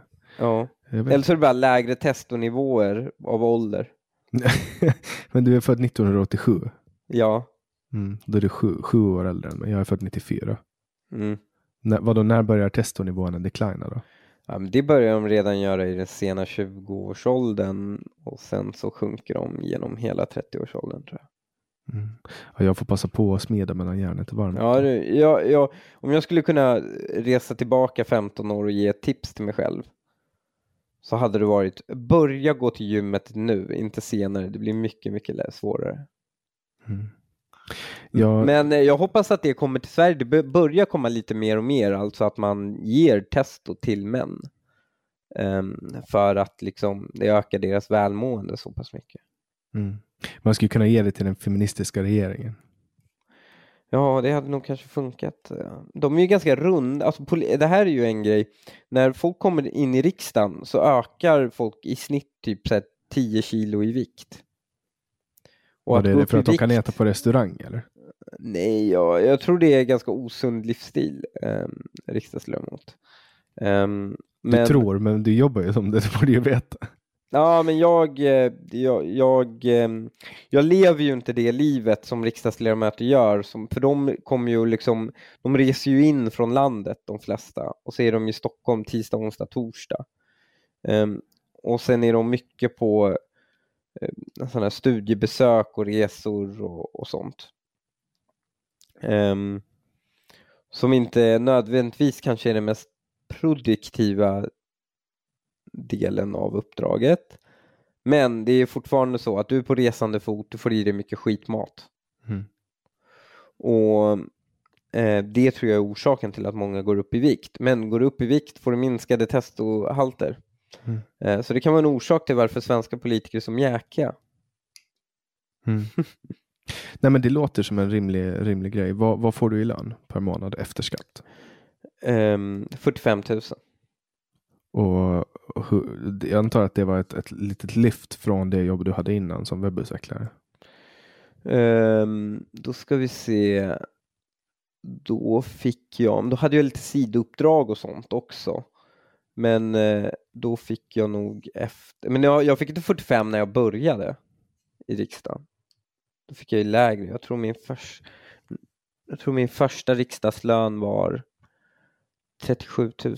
Och ökar den med ålder eller är det för att Nej, nej, nej. Arv, arvodena har höjts. De höjs med index. Eh, men också att värnskatten är borttagen. Och olika skatter har sänkts. Men jag tror min första lön måste ha varit 36-37 000. Vad får du för pensionsförmåner? Um, jag vet faktiskt alltså vi får pension enligt Eh, vi har inga särskilda förmåner. Jag tror vi får statlig pension i allt inkomst. Mm. Och, men det, det, är ju inte, alltså 45 000, det är ju inte supermycket pengar. Alltså om man tänker eh, hur många timmar Nej, men jag tänker hur mycket jag drog, jag drog in, drog in väl 30 000 när jag jobbade 9 till 5 liksom. Mm. Tror jag. Eller om det var lite lägre, om det var 27 000. Jag trodde faktiskt att det var högre lön än ni hade. Nej, men det låter ju väldigt mycket. Vi har 68 000 i lön. Mm. Men sen ja, kommer ju skatten. Blir det inte mycket. Mm. Efter plundring blir det inte så jättemycket. Men ehm, ja, det är ju fortfarande mycket pengar. Vadå? Men här är ju det som är, eh, det gjordes en opinionsundersökning eh, där man frågade hur mycket folk trodde att man behövde tjäna för att leva som Fredrik Schillert i Solsidan. Och för den som inte sett Solsidan, Fredrik Schillert, han är skitrik. Liksom. Hans fru jobbar, eh, jobbar inte och han har alltid massa nya prylar och grillar och allting sånt. Och jag tror folk svarade typ så här 40 000 eller något sånt. Alltså typ så här 5 000 kronor, 7 000 kronor över medianlönen i Sverige. Och det är det folk tror att så här, om, om jag bara hade 7 000 kronor mer mm. så hade jag ju varit, då hade jag varit stormrik liksom. Tror jag. Um, men um, du kan alltså inte leva som Fredrik Schillert på 40 000. Det kan du ju fråga vem som helst som tjänar 40 000. Mm. Um, så Ehm, men det är mycket pengar ändå. Alltså det, jag tycker det är mycket pengar. Det är mycket pengar, men jag tänker så här. Alltså jag, jag sätter det, alltså i och med att jag själv under en kort tid har, har suttit i ett lagstiftande parlament och liksom vet hur, vad som händer rent personligt. Alltså, jag menar, kolla på, på de, de personliga attacker som du får utstå. Din bil har blivit utsatt för skadegörelse. Uh, du kommer aldrig någonsin egentligen att kunna skaffa ett vanligt jobb. Du kommer liksom inte att kunna reversa den uh, pub, alltså publika mm. person, mm. persona som du har nu. Och, och då är det i min värld rimligt att man, att man får ett, ett arvode som gör att man känner att det är värt det. Jag tror inte att, alltså jag vet inte om jag skulle vara intresserad av att, att få utstå det du utstår för 45 000 i månaden. Um, no. Nej, men jag kan förstå det. Men samtidigt, så här, det handlar inte om det. det handlar, jag tycker det här är kul och jag hade gjort om det även för mindre pengar. Men jag tror det för vissa kan vara, alltså jag tycker det är lite så här, tittar jag på mina vänner som inte valde politiken så kanske de inte tjänar 45 000 men de tjänar 40 000 efter skatt. Liksom. Um, och uh, de skulle ju aldrig välja att bli riksdagsledamöter de tycker inte det är värt det. Nej. Att göra det. Liksom. Och då kanske man blir av med, alltså, då kanske du inte kommer åt en viss kompetensnivå inom politiken som man kanske vill ha. Mm. Ja, man får det istället.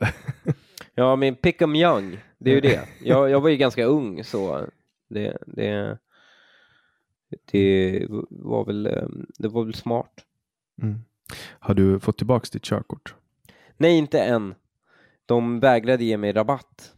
Varför? Eh, du är ju ensamkommande flyktingbarn. Liksom. Ja, jag försökte, men det gick inte. Men de sa att min försörjning inte bygger... Min försörjning... Jo, det gör den. Du ska göra Motormännen med Bulletin. Den, ja, den bygger visst men de på tror, det. de tror inte, de tror inte att om ni inte, om jag inte kan göra det med Bulletin så tror de inte att jag inte kan försörja mig. Fan vilket skitsnack. Vi bör överklaga. Jag tror överklagan, handläggningen av överklagan hade tagit längre tid än den där extra månaden de har gett mig. När får du tillbaka det då? Det blir ja, men exakt om en månad. Mm. Så vad var det som hände den där dagen när du körde för snabbt? Eh, tjejen var sen till jobbet och eh, jag körde för snabbt. I en gammal rostig Volkswagen? Nej, gud nej. I en eh, väldigt fräsch Golf GTI Okay. Jag, jag, såg framför mig, för när, när, när vi pratade om det, då, då sa du liksom att det var i din lilla Golf. Så jag såg framför mig en begagnad backup-bil med dåliga däck. Nej, nej, nej, det var min Golf GTI med 300 hästar. Okej okay då. Okay, det, det, det låter ju som att det är ganska lätt att köra för fort med den. Ja, ja det, det är faktiskt för lätt att köra för fort. Mm. Jag har en sån här lim-knapp eh, på, på ja, min limiter. Ja. ja. Så att det går min, inte att köra för snabbt. Min, min lim är en lim tills du trycker på gasen lite hårdare, då släpper den limiten. Okay. Ja. Du får inte trycka för hårt på gasen om du har limiten på. Mm, nej, men så är, det, så är det på Forden också, men bara det att Alltså du måste, du måste verkligen, liksom, du måste verkligen visa till bilen att nu vill jag, nu vill jag iväg. Ja, för jag, har, ju... jag, har i och för sig, jag har för sig aldrig provat att använda min limiter. Okay. Eh. Men det som är Mafia 1 när man, när man kör bil, då, har, då kan du liksom trycka på typ så F11 eller någonting och så får du en limiter. Liksom. Jag hade, fan, när var det det? Jag, jag hamnade bredvid en polis äh, i, ett rödljus. Körde jag vid en polis och eh, eh, det var väl 50 väg framför oss, eller 60 väg. Och då satte jag på limiten på 60. Och sen körde jag en launch control och bara när det blev grönt och bara launchade bilen. Så den liksom, och den här, det var en riktigt upptrimmad Arteon, alltså den var 450 hästar, hästar fyrhjulsdriven. Liksom. Så du accelererar på typ en halv sekund? Ja, jag, 60. jag, var liksom, jag var liksom uppe i 60 direkt. Eh, men sen var jag på 60 och höll den. Liksom. De Man får ju inte poliserna- accelerera för snabbt, alltså. det är förbjudet också. Får man inte det? Nej, det får du. Ja, de här poliserna kom ikapp mig och liksom, ja men de, de trodde nu är det, nu är det race liksom. Kommer de ikapp mig och så ser de att jag bara smygkör i 60 där liksom. Eh, och så de, så de lät mig gå. Eh, eller de Stannade de? stoppade, nej Okej, det de gjorde de inte. De inte. Ja. Nej, men för du, har ju, du får inte accelerera för snabbt. Alltså, Va? tar du till exempel, nej, du, du, du får inte Det har accelerera. jag aldrig lärt mig i min uppkörning. Eh, ja, så är det här i alla fall, där jag kommer ifrån, på Åland. Du får inte accelerera för snabbt. Liksom. Du måste ha kontroll på din acceleration. Har 100% kontroll på en acceleration. Mm. Men för har du, liksom, har du en Tesla, du kan ju släppa allt driv på axeln rakt av. Liksom, 1 till Ja. 100 på Ja. hur snabbt som helst. Eh, men då kan du ju samtidigt tappa fäste eller liksom vad som helst. Inte med fyrhjulsdriven, gud. Det var ju snålt tycker jag, snålt. Jag Sverige är bättre på den här punkten. Jag tänkte på dig häromdagen när jag skulle tanka. Mm. Eh, därför att, eh, när vi pratade för typ en månad sedan, eh, då, då sa du att det finns vissa bensinsorter som är bättre än andra. Mm. Vissa fabrikörer. Var ska man tanka om man vill komma så långt som möjligt?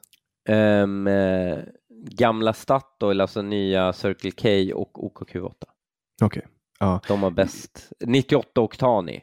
Alltså i 95 oktani, då är de alla samma ungefär. Men 98 oktani, det är något Kaiko med Shells V-Power. mm. alltså de, de är väl, det, är väl, det är väl så, alltså man marknadsför någonting jättehårt. Ja, då kanske det inte stämmer.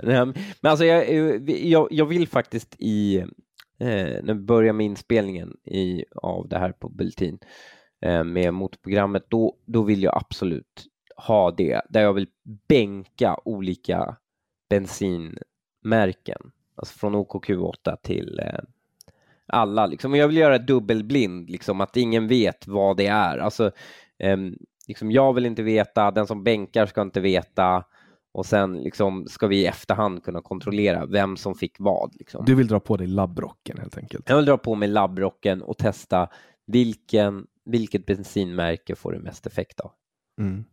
För jag har kört, eh, jag har en ny bil nu, en eh, årsmodell liksom av Ford. Och jag har kört på 3,8 eh, har jag kört på den. Eh, då låg jag utan AC med adaptiv farthållare på närmsta inställning bakom en lastbil. Ja, men det där är bra. Bakom lastbilar är annars otroligt bra. Mm, Det jag, det jag märkt nu när jag kör, jag har ju kört skrotbilar hela livet och nu Mm. kör jag en ny bil. Det jag märkt att det är fan konkurrens om att ligga bakom lastbilarna. Jag är inte den enda som gör det. Är det så?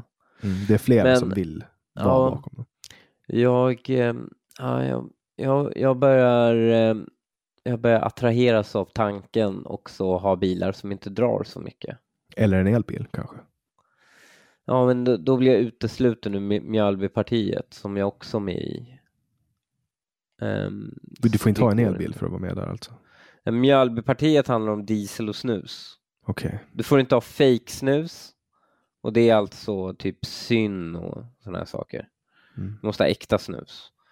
Och sen måste du köra, du får inte heller vara du, fake diesel establishment, alltså du får inte köra elbilar, hybridbilar och sådana här saker. Det måste vara äkta diesel eller bensin. Mm. Isabella Lövins man skulle ju lätt få vara med där. Han kör Ja. ju jättestora och tunga stenar. Ja. Och jag menar, jag förstår, alltså, han gör ju det på riktigt. Ja, men det var ju så roligt. Det är det bästa. Och sen samma år där i Almedalen så var det ju när Lena Melin intervjuade Magdalena Andersson Mm. och bara fråga så här, så här, vad kan den enskilda personen göra som är bäst för klimatet? Och hon bara, ja men se över sina flygvanor, liksom flyga mindre och så här, det är det man kan göra. Och hon bara, hur kom du hit? Och hon bara, ja men jag flög. Alltså det, det är så, alltså jag älskar det, det är så jävla bra. Eh, folk som bara sätter... Men jag är emot det. Jag är emot det. Jag är emot det Lena Melin gör. Nej, men alltså så här, man måste ju få sätta dit hycklare. Jo, absolut, men det stämmer ju det hon säger, att man ska se över liksom, ja men om man drar ner sina flyggrejer så släpper det inte ut lika mycket. Men eh, det är klart också att eh, man ska flyga. Alltså, jag, jag tycker ju man ska flyga. Det är ju så här, okay.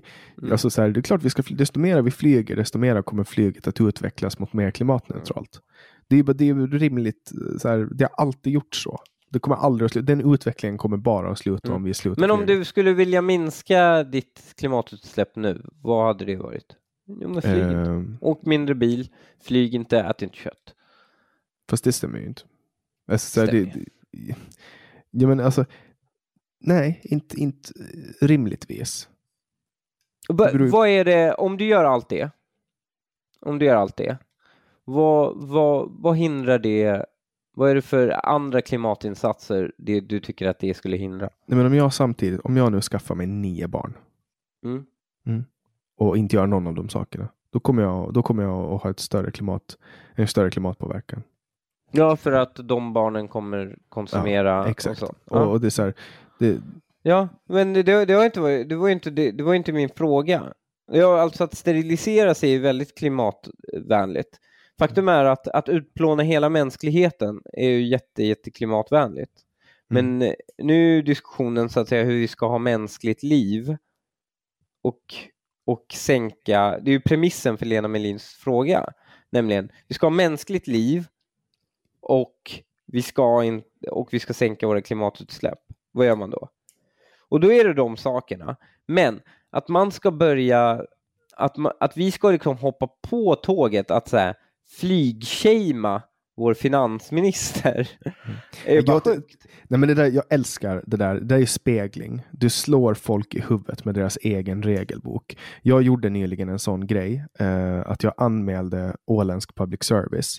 Därför att de, hade, de har hyrt in två programledare som pratar om sex. Och så hade de ett, ett inslag då med analsex.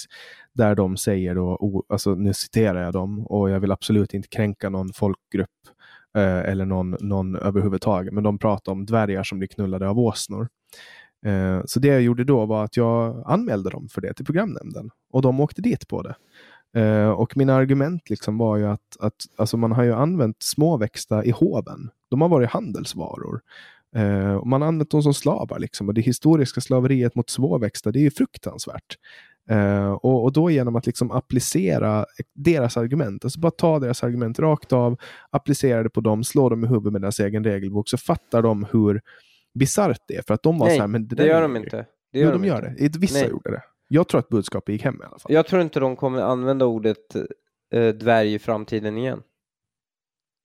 Nej, men, de, nej, men på det sättet. Men alltså så här, jag fick reaktioner. Det kom liksom De, fick, social... de, de blir ju inte mindre woke för det. De kommer ju bara, okej men fan, vi gjorde ett misstag, nu kommer vi aldrig prata om dvärgar igen. mm. Men det var en det sättet. socialdemokrat som, som på riktigt, han sa att jag trollade. Han var så här, ja men han trollar liksom. Så här, de avfärdade, de bemötte det inte ens. Ja men du trollar ju. Eh, inte rimligtvis. Det Alltså, gör du ju. Du tycker ju att man ska kunna säga sånt. Jag, tycker, jag, vet, så jag vet inte, så jag skiter i om, om vad man... Så här, man kan ju prata om mytologiska dvärgar. Det kan man göra. Men du vill inte att man kallar småväxta för dvärgar? Det vill inte de. De vill inte. Ja men du har ju nu varit polis åt dem. Ja. Ja. Men det betyder inte Du har, agerat, du, har, du har agerat Gestapo åt dem. Ja, ja, men varför, vad, vad, vad gör det? Vad, vad, så, så här, men du förstår vad jag Det, menar. det enda du gör är att du förstärker ju den normen att man inte får säga de sakerna på TV. Mm. Jag, jag, tror, jag tror någonstans att kan man liksom få dem att, alltså så här, det handlar om att få dem att förstå vad de håller på med. De märker ord, de tar saker ur sin kontext. De, de liksom kämpar för att liksom, Jag, jag trodde det också. Alltså jag, håller, jag förstår vad du menar. Så här, man visar på hur orimlig deras regelbok är så kommer de att börja, alltså man, man, man, man sätter dit dem enligt deras egna regler så kommer de märka hur orimlig regelboken är. Och det visar sig snarare att det inte hjälper, det förstärker snarare regelboken. Alltså, jag tänker på mitt, mitt favoritexempel. Det är när Aron Flam går längst fram i, eh, eller längst fram, han är mitt i tåget, första maj-tåget med en skylt där det står socialism är ondska och krossa socialismen. Vilket är rakt av approprierat från dem, eh, det vill säga kapitalism är ondska och krossa kapitalismen. Och folk blev upprörda. De blev så upprörda att de blev hotfulla. Mm. Och, och det är ju en spegling. Man bara skickar tillbaks till dem liksom, det de ger ut. Man, man, gör om, man ändrar lite ord och visar hur, hur deras... För att de blir ju irriterade på det. Ja, men vi blir ju irriterade på att de skriver kapitalism och ondska. Mm. Ja, det är ju för att kapitalism inte är ondska. Ja, men de ser ju sin socialism inte som ondska. Ja, nej, det, det gör de. Och de har fel. Men du har inte, har inte du då? ja, okej. Ja. Nej, men kapitalism är ett system som fungerar. Medan socialism är ett system som inte fungerar. Ja, men det be behöver ett system som fungerar vara gott. Ja, det är ja, nej, men det, det, det har du rätt i. Jag säger ju inte att kapitalism är godhet. Mm. Eh, men det är inte ondska. Alltså så att, att, att pengar flyter till de som, som skapar mest arbetsplatser och, och skapar mest värde, det är liksom inte en bugg. Det är en feature av det kapitalistiska systemet. Är, är det kapitalistiska systemet, är- skapar det mest arbetsplatser? Ehm, alltså på lång sikt, ja. Alltså du kan Alltså det skapa, skapar mest välstånd håller jag med om. Ja, det skapar mest välstånd och- och- Arbetsplatser är... Ja. och det, det kommer alltid att finnas en andel som är arbetslösa. Det är också en funktion av arbetsmarknaden. Eh, som är väldigt det svårförklarlig. tror jag inte. Men det, Det, det, det kan jag inte inte. finnas. Jag tror, jag tror du kan ha väldigt låg arbetslöshet. Jo, men du Alltså, kan inte ha noll. ja, men det kommer ju alltid finnas lite friktionsarbetslöshet och lite sånt, ja, men, men jag menar, det finns inget som hindrar jag menar, hur hög arbetslöshet har Monaco? Ja, men nu, låt, nu, nu börjar det låta som ett plommon. Blå på utsidan och röd inuti. Nej, men alltså vadå? Man behöver ju inte, man behöver inte uppnå det med inflationspolitik och statliga insatser och sånt. Det är ju inte Nej, det men jag Monte, säger. Monte Carlo och Monaco är jättesvårt att jämföra, för där har du bara höginkomsttagare. Du får, inte flytta dit. du får inte flytta dit om du inte har extremt mycket pengar på banken. Du måste Ja. ha typ 10 miljoner. Men du menar att det vore, det vore omöjligt för en nation att kollektivt uppnå Monaco? Om den vore Eh, en miljon på skala, människor? på stor skala, ja. Du menar att det är ett skalbart Du- du måste- att en, få en nation att få noll procents arbetslöshet? Du måste ju ta folk från, du måste ju ta dem bland toppskiktet av de mest framgångsrika människorna och locka dem till den nationen och få dem att stanna där. Monaco har inte byggt sitt välstånd på flitiga personer. Monaco har byggt eh, sitt välstånd på att ha gynnsamma lagar för människor som startar företag där och flyttar dit och de har fina hotell, de har jättefin utsikt över vattnet. OSV, OSV. Men vadå, då är Singapore, de har en arbetslöshet på vad, 2-3 procent? Ja, men du kommer alltid att behöva, alltså det, det finns en funktion i arbetslöshet. Det måste finnas en viss arbetslöshet för att, att alltså, saker och ting ska funka. Har du aldrig spelat eh, Cities Skylines till exempel? Men alltså, jag, jag köper det, men jag tror, jag, jag tror inte det är så himla enkelt att vi behöver arbetslöshet för Alltså att det är en funktion av kapitalismen att vi behöver arbetslöshet. Jag tror det är en funktion av demografin. Mm. Jo, men alltså så här, absolut, men, men arbetslöshet, alltså vi kommer, eh, jag säger inte att den ska vara på 5 eller, eller 4 procent, så vi kan, det kan vara 1 procent eller en halv procent, men det behöver fortfarande finnas. Den, alltså för att alltså det finns alltid människor Måste alltid, måste alltid efterfrågan på arbetskraft vara lägre än tillgången på den? Du har ju folk som säger upp sig från ett jobb för att bli arbetslösa. Jag Ja, ju- men det, det är ju bara, det har ju friktionsarbetslöshet. mm, men är jag, ju jag, har, friktion. jag Men- har gjort så, till exempel. Men är arbetskraft, kan, kan inte kapitalism uppnå arbetskraftsbrist? Ja, det kan den. Jo, men då säger ju de facto att det går att ha ett kapitalistiskt system utan arbetslöshet. Ja, ja, alltså teoretiskt kan du det, men rent praktiskt så kommer det aldrig att hända. Tror jag i alla fall. Det är alltså, Ge mig... Låt mig vara diktator över ett land och jag kommer låta det uppnå det med kapitalism. ja, alltså du bygger motorvägar och startar ett krig, eller? Precis som Hitler. Nej. Det är 30-talet. på- Nej. Nej, nej, nej. Jag, jag hade kunnat selektivt breeda fram en 100% produktiv population. Ja. Genom att införa Rasbiologiska institutet och, och återgå till att... Men man att, behöver inte använda rasbiologi, du kan använda individuella metrics och uppnå det. mm. Har du sett Idiocracy? Va? Har du sett Ja. Idiocracy? Exakt, du gör motsatsen till idiocracy. Den är så jävla bra. Alltså, alltså filmen är ju skitdålig, men idén är jättebra. Ja, ja, jag tycker, alltså den sätter ju fingret, den är ju briljant på många sätt, för den lyckas ju sätta fingret med extrem satir på eh, och, och är väldigt före sin tid. Alltså allt från hyperkommersialisering av politiken till hyperkommersialisering av liksom eh, alla former av eh, offentliga goods, eh, liksom offentliga institutioner till eh, ja, men hur, hur dum du kan vara och fortfarande liksom anses vara en person som är en förebild till eh, eh, hypersexualiseringen av allting också.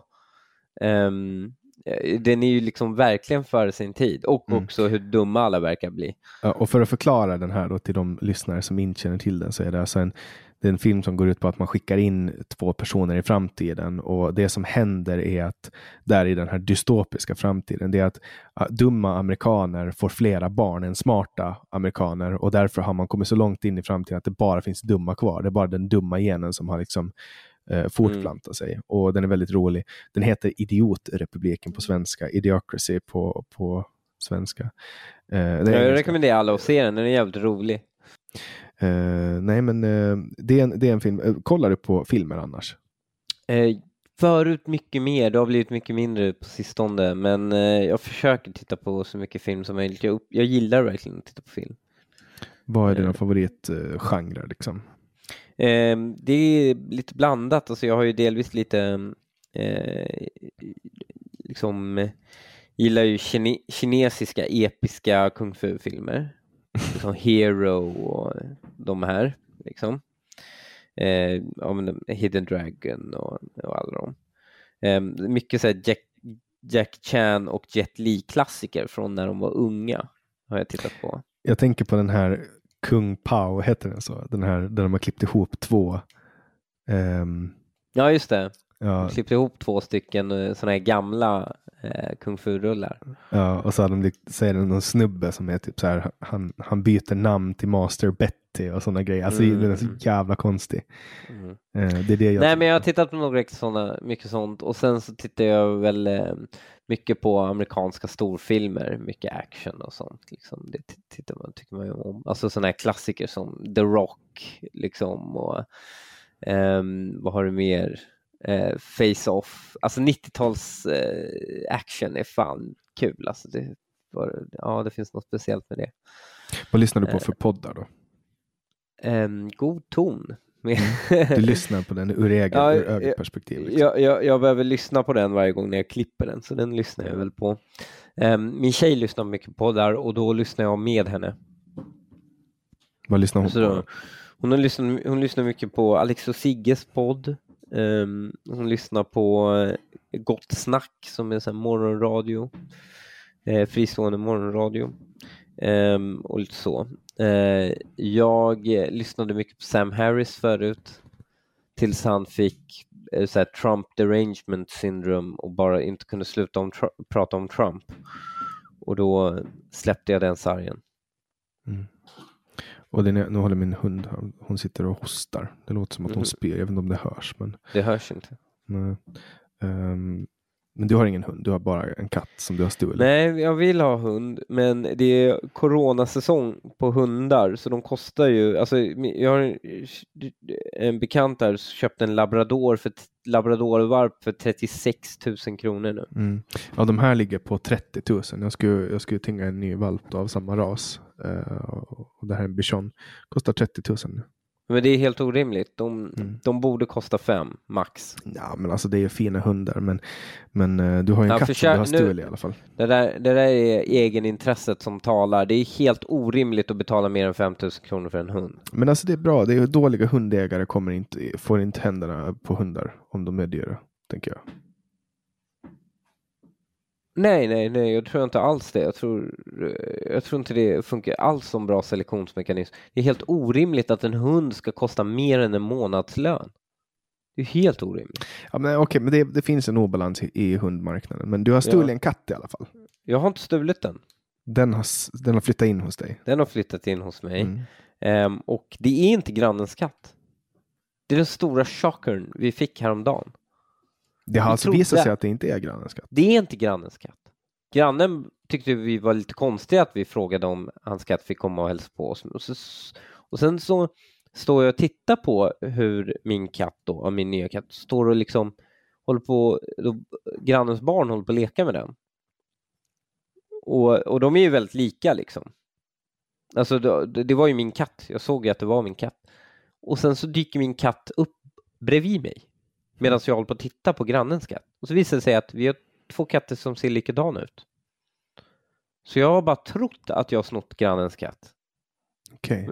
Men det är okänt var den här katten kommer ifrån. Alltså jag tror att det där, det där är ju ehm, antagligen Expo eh, som har skickat in sin mest avancerade drönare.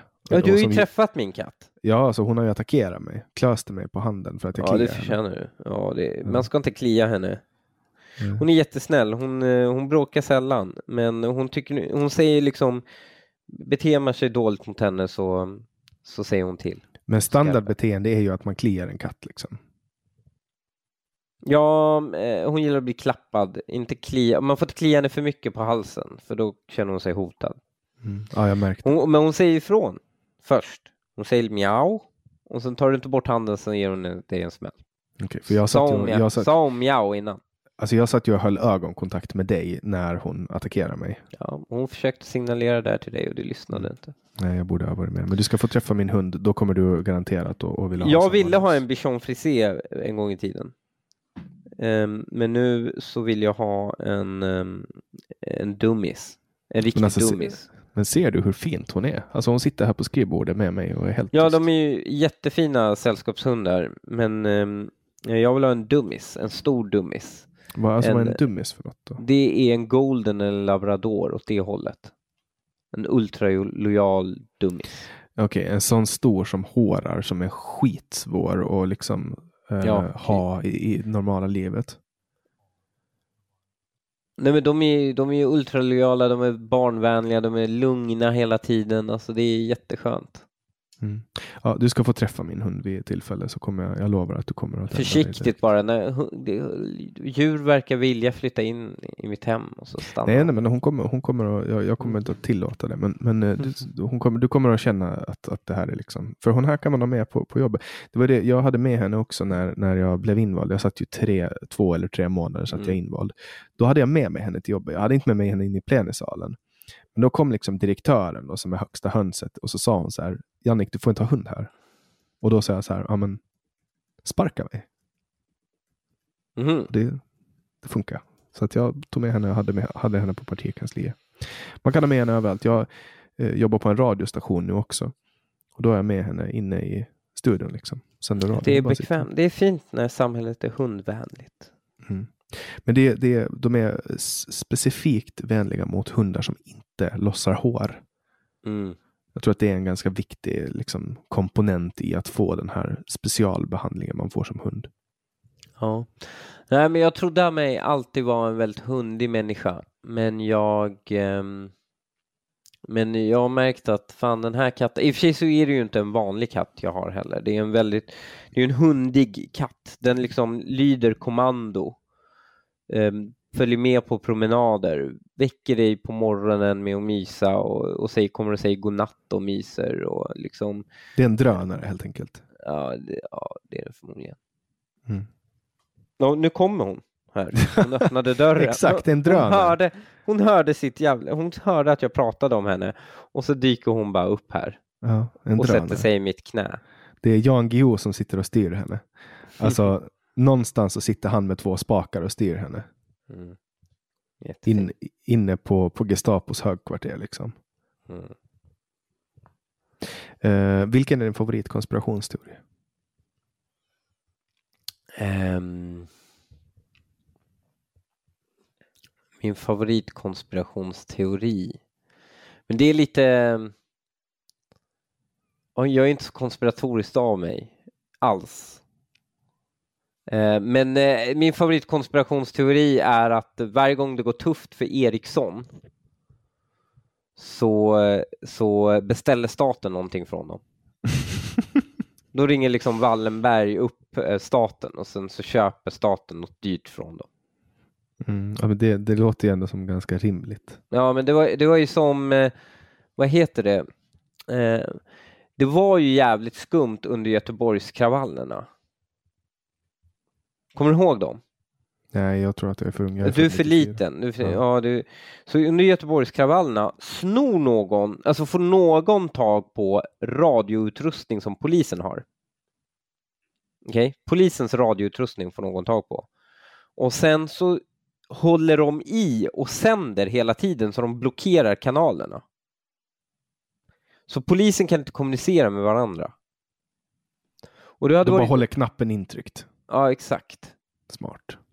Och ehm, det skapade ju panik såklart, men det hade ju varit diskussioner om att bygga ett nytt digitaliserat eh, radiosystem. Ehm, och, och då hade det varit snack om Ericsson och så. Och sen precis under Göteborgskravallerna så sker det här. Och sen direkt efteråt gör staten, och så, det, gick, det var tufft för Ericsson då. Det här var ju efter kraschen, IT-kraschen. Så Ericsson hade det jävligt tufft och efter det gör staten en sjuk beställning på IT, alltså det här IT-telekomsystemet Rakel som är 30 miljarder spänn. Liksom. Världens största statliga jävla feta avtal rakt i händerna på Wallenberg. Mm. Ericsson var ju också med eh, på något vänster och när, när man smugglade de här vapnen på, eh, eller den här utrustningen, det var inte vapen, det var militär Estonia. utrustning. Ja, de var ju inne kopplade på det, så att det, de har ju kanske någon form av, alltså de bara eh, call out the favor liksom. Ja, jag, Fast jag, det, det var ju väldigt för. kon- jag är väldigt konspiratorisk när det kommer till Ericsson. Mm. Vad, vad tror du om, om eh, Estonia? Eh, vad, vad, vad, det, vad hände med Estonia? Vad är din teori där? Jag har ingen aning. Ingen aning faktiskt. Har du varit Men med det- och krävt transparens? Ehm, ja, men jag, jag tycker att man ska ner och gräva så mycket som Alltså he, hela efterhanteringen, att man skulle liksom göra så här, betongsarkofag av skiten. Alltså det, det, det framstår så jävla sjukt nu i, i efterhand. Liksom. Ja, också att det visar sig att exakt där man hällde betongen, det var där det fanns hål. Liksom. Ja, ja, ja. Alltså jag tycker... Det var Jag- jag 200 tycker- meter skrov. Liksom. Jag har inga problem. Jag har inga problem att man liksom bara 3D-skannar och gräver ut hela skiten och bara tar upp den och 3D-skannar. Jag har inga problem överhuvudtaget med det. Eh, jag, jag tycker det är viktigare. För om det är så att det är en cover-up, då vill jag veta för vad. Mm. Ja, nej, men det låter, jag, jag, jag, jag tycker det är spännande. Hela Estonia-grejen är jättespännande. Jag har också haft med eh, en överlevare från Mm. Estonia och det är typ ett av de bästa avsnitten jag har gjort någonsin. För att under de, vad är det nu, 25 år sedan det hände, 26 år sedan eller vad det är, Mm. så har han aldrig varit med i en så lång intervju. Eh, så jag fick ut massa saker som jag tycker att, att var intressanta. Så, Ja, men eh, ja, jag har ju liksom jag har ju en poddkollega i min egen podd som har börjat gå åt ufo-hållet liksom. mm. Ehm, och så. Tror du på UFO? Nej, ah, nej, men eh, det finns ju liksom lite oförklarliga, alltså äntligen har vi lite bra data på det. Liksom de här, alltså lite bra video som inte är genomsuddigt och, och det finns säkert mer metrics som den amerikanska försvaren har som de inte släpper för det avslöjar deras radarförmåga och sånt. De är ju på väg Eh. att släppa en, en jättestor rapport nu. Ja, det, vore ju, det kommer bli superintressant. Ehm, men då är det ju intressant, alltså, alltså att jag tror inte att det är ufon, att det är objekt, det, det kan vara fenomen, alltså bara allmänt. Så här. Det behöver inte vara flygande objekt utan att det kan vara naturliga fenomen som vi inte känner till. Liksom. För vad jag förstår så finns det ju en hel del bevis för att det här ska vara liksom eh, föremål och inte liksom ljusfenomen. Ja, ja, jag förstår det, men eh, det är ju... Ett så beter sig fenomenen inte rationellt, tycker jag. Alltså det, det beter sig inte som om det är en de som styr dem. Sen är det ju så här, varför, om, om man då är en sån avancerad civilisation eller vad det är, varför, varför droppa ner i 500 G-krafter för att sen stå still och sen liksom, alltså förstår du, den, den agerar ju inte normalt, förstår du? här, inte för vad vi anser att det är normalt i alla fall. Ja, exakt, men varför liksom, om, om du är så pass kraftig så behöver du ju inte liksom eh, se ut som en pingmissboll som flyger genom luften. Alltså förstår du? Ja, jag förstår. Ja. Nej, men för jag, jag tänker på de här spökraketerna, känner du till dem? Ja, spökraketer. Nej, jag har bara hört talas om dem. Vi hade en gäst för, från UFO Sverige som pratade om spökraketerna i Norrland. Ja, och det var ju, det var ju liksom så raketer som folk såg och det var en grej. Alltså, folk såg dem, riksdagen utsåg någon kommission som skulle liksom mm. kolla in på det här. Det var ju därför man etablerade till och med en flygbas i, i, i, Nor i Norrbotten. Mm. Det är därför man... Men alltså, samtidigt tycker jag det är lite konstigt att så här, förut så såg man luftskepp och sen såg man raketer och sen så liksom var det Tefat, eh, nu är det tefat. Liksom. Ja, exakt. Tefat. och värktabletter. Alltså, och, det, och, det, och tefaten är ju ganska nära de här eh, de här tyska, had, tyskarna hade ju något avancerat envingesplan liksom som eh, som de skulle bomba New York med. Alltså, det har alltid varit on the cutting edge, är det vad folk har föreställt sig att se. Ja, nu ser de ju ut som Alvedon-tabletter. Liksom. och det är ju inte så konstigt, alltså, alla tar ju någon form av psykofarm. Ja, men om du tittar på, om du tittar på um, när man försöker framställa, när man gör sådana konceptbilar och koncept, när Mercedes gör sin senaste hypermoderna konceptbil, då ser den ju ut som en Alvedon-tablett. Man tror ja. ju att framtiden kommer vara alldeles rund och molnig och, och liksom bubblig. Och jag hatar det med elbilar, nämligen att så fort Volkswagen släpper en elbil ska den vara liksom rund och bubblig och gullig sådär. Mm. Eh, Medan jag vill ju jag vill ha den här aggressiviteten eh, i, i, designen. Och, och, och, men folk tror att framtiden är så, så mjuk och rund. Liksom. Mm. Nej, det, och det är bara framtiden som kan visa sig, visa mm. vad som händer. Men nu, nu har vi ju nått uh, typ den tidskvot vi pratar om och jag hoppas att eh, att du känner att du har fått ut någonting av det här samtalet. Ja, det har jag. Tack så mycket för att jag fick vara med. Och tack för att du kom och till er som lyssnar så vill jag uppmana er att fortsätta dela med er av den här podcasten. Ni får gärna gå in och önska nya gäster. Ni får gärna gå in och eh, bli prenumeranter av, av Bulletin så att ni kan få höra den här podden sju dagar före alla andra. Eh, ni får jättegärna fortsätta eh, tipsa, dela med er och berätta för mig vad ni tycker. Jag heter Jannik Svensson och du har lyssnat på podcasten Samtal.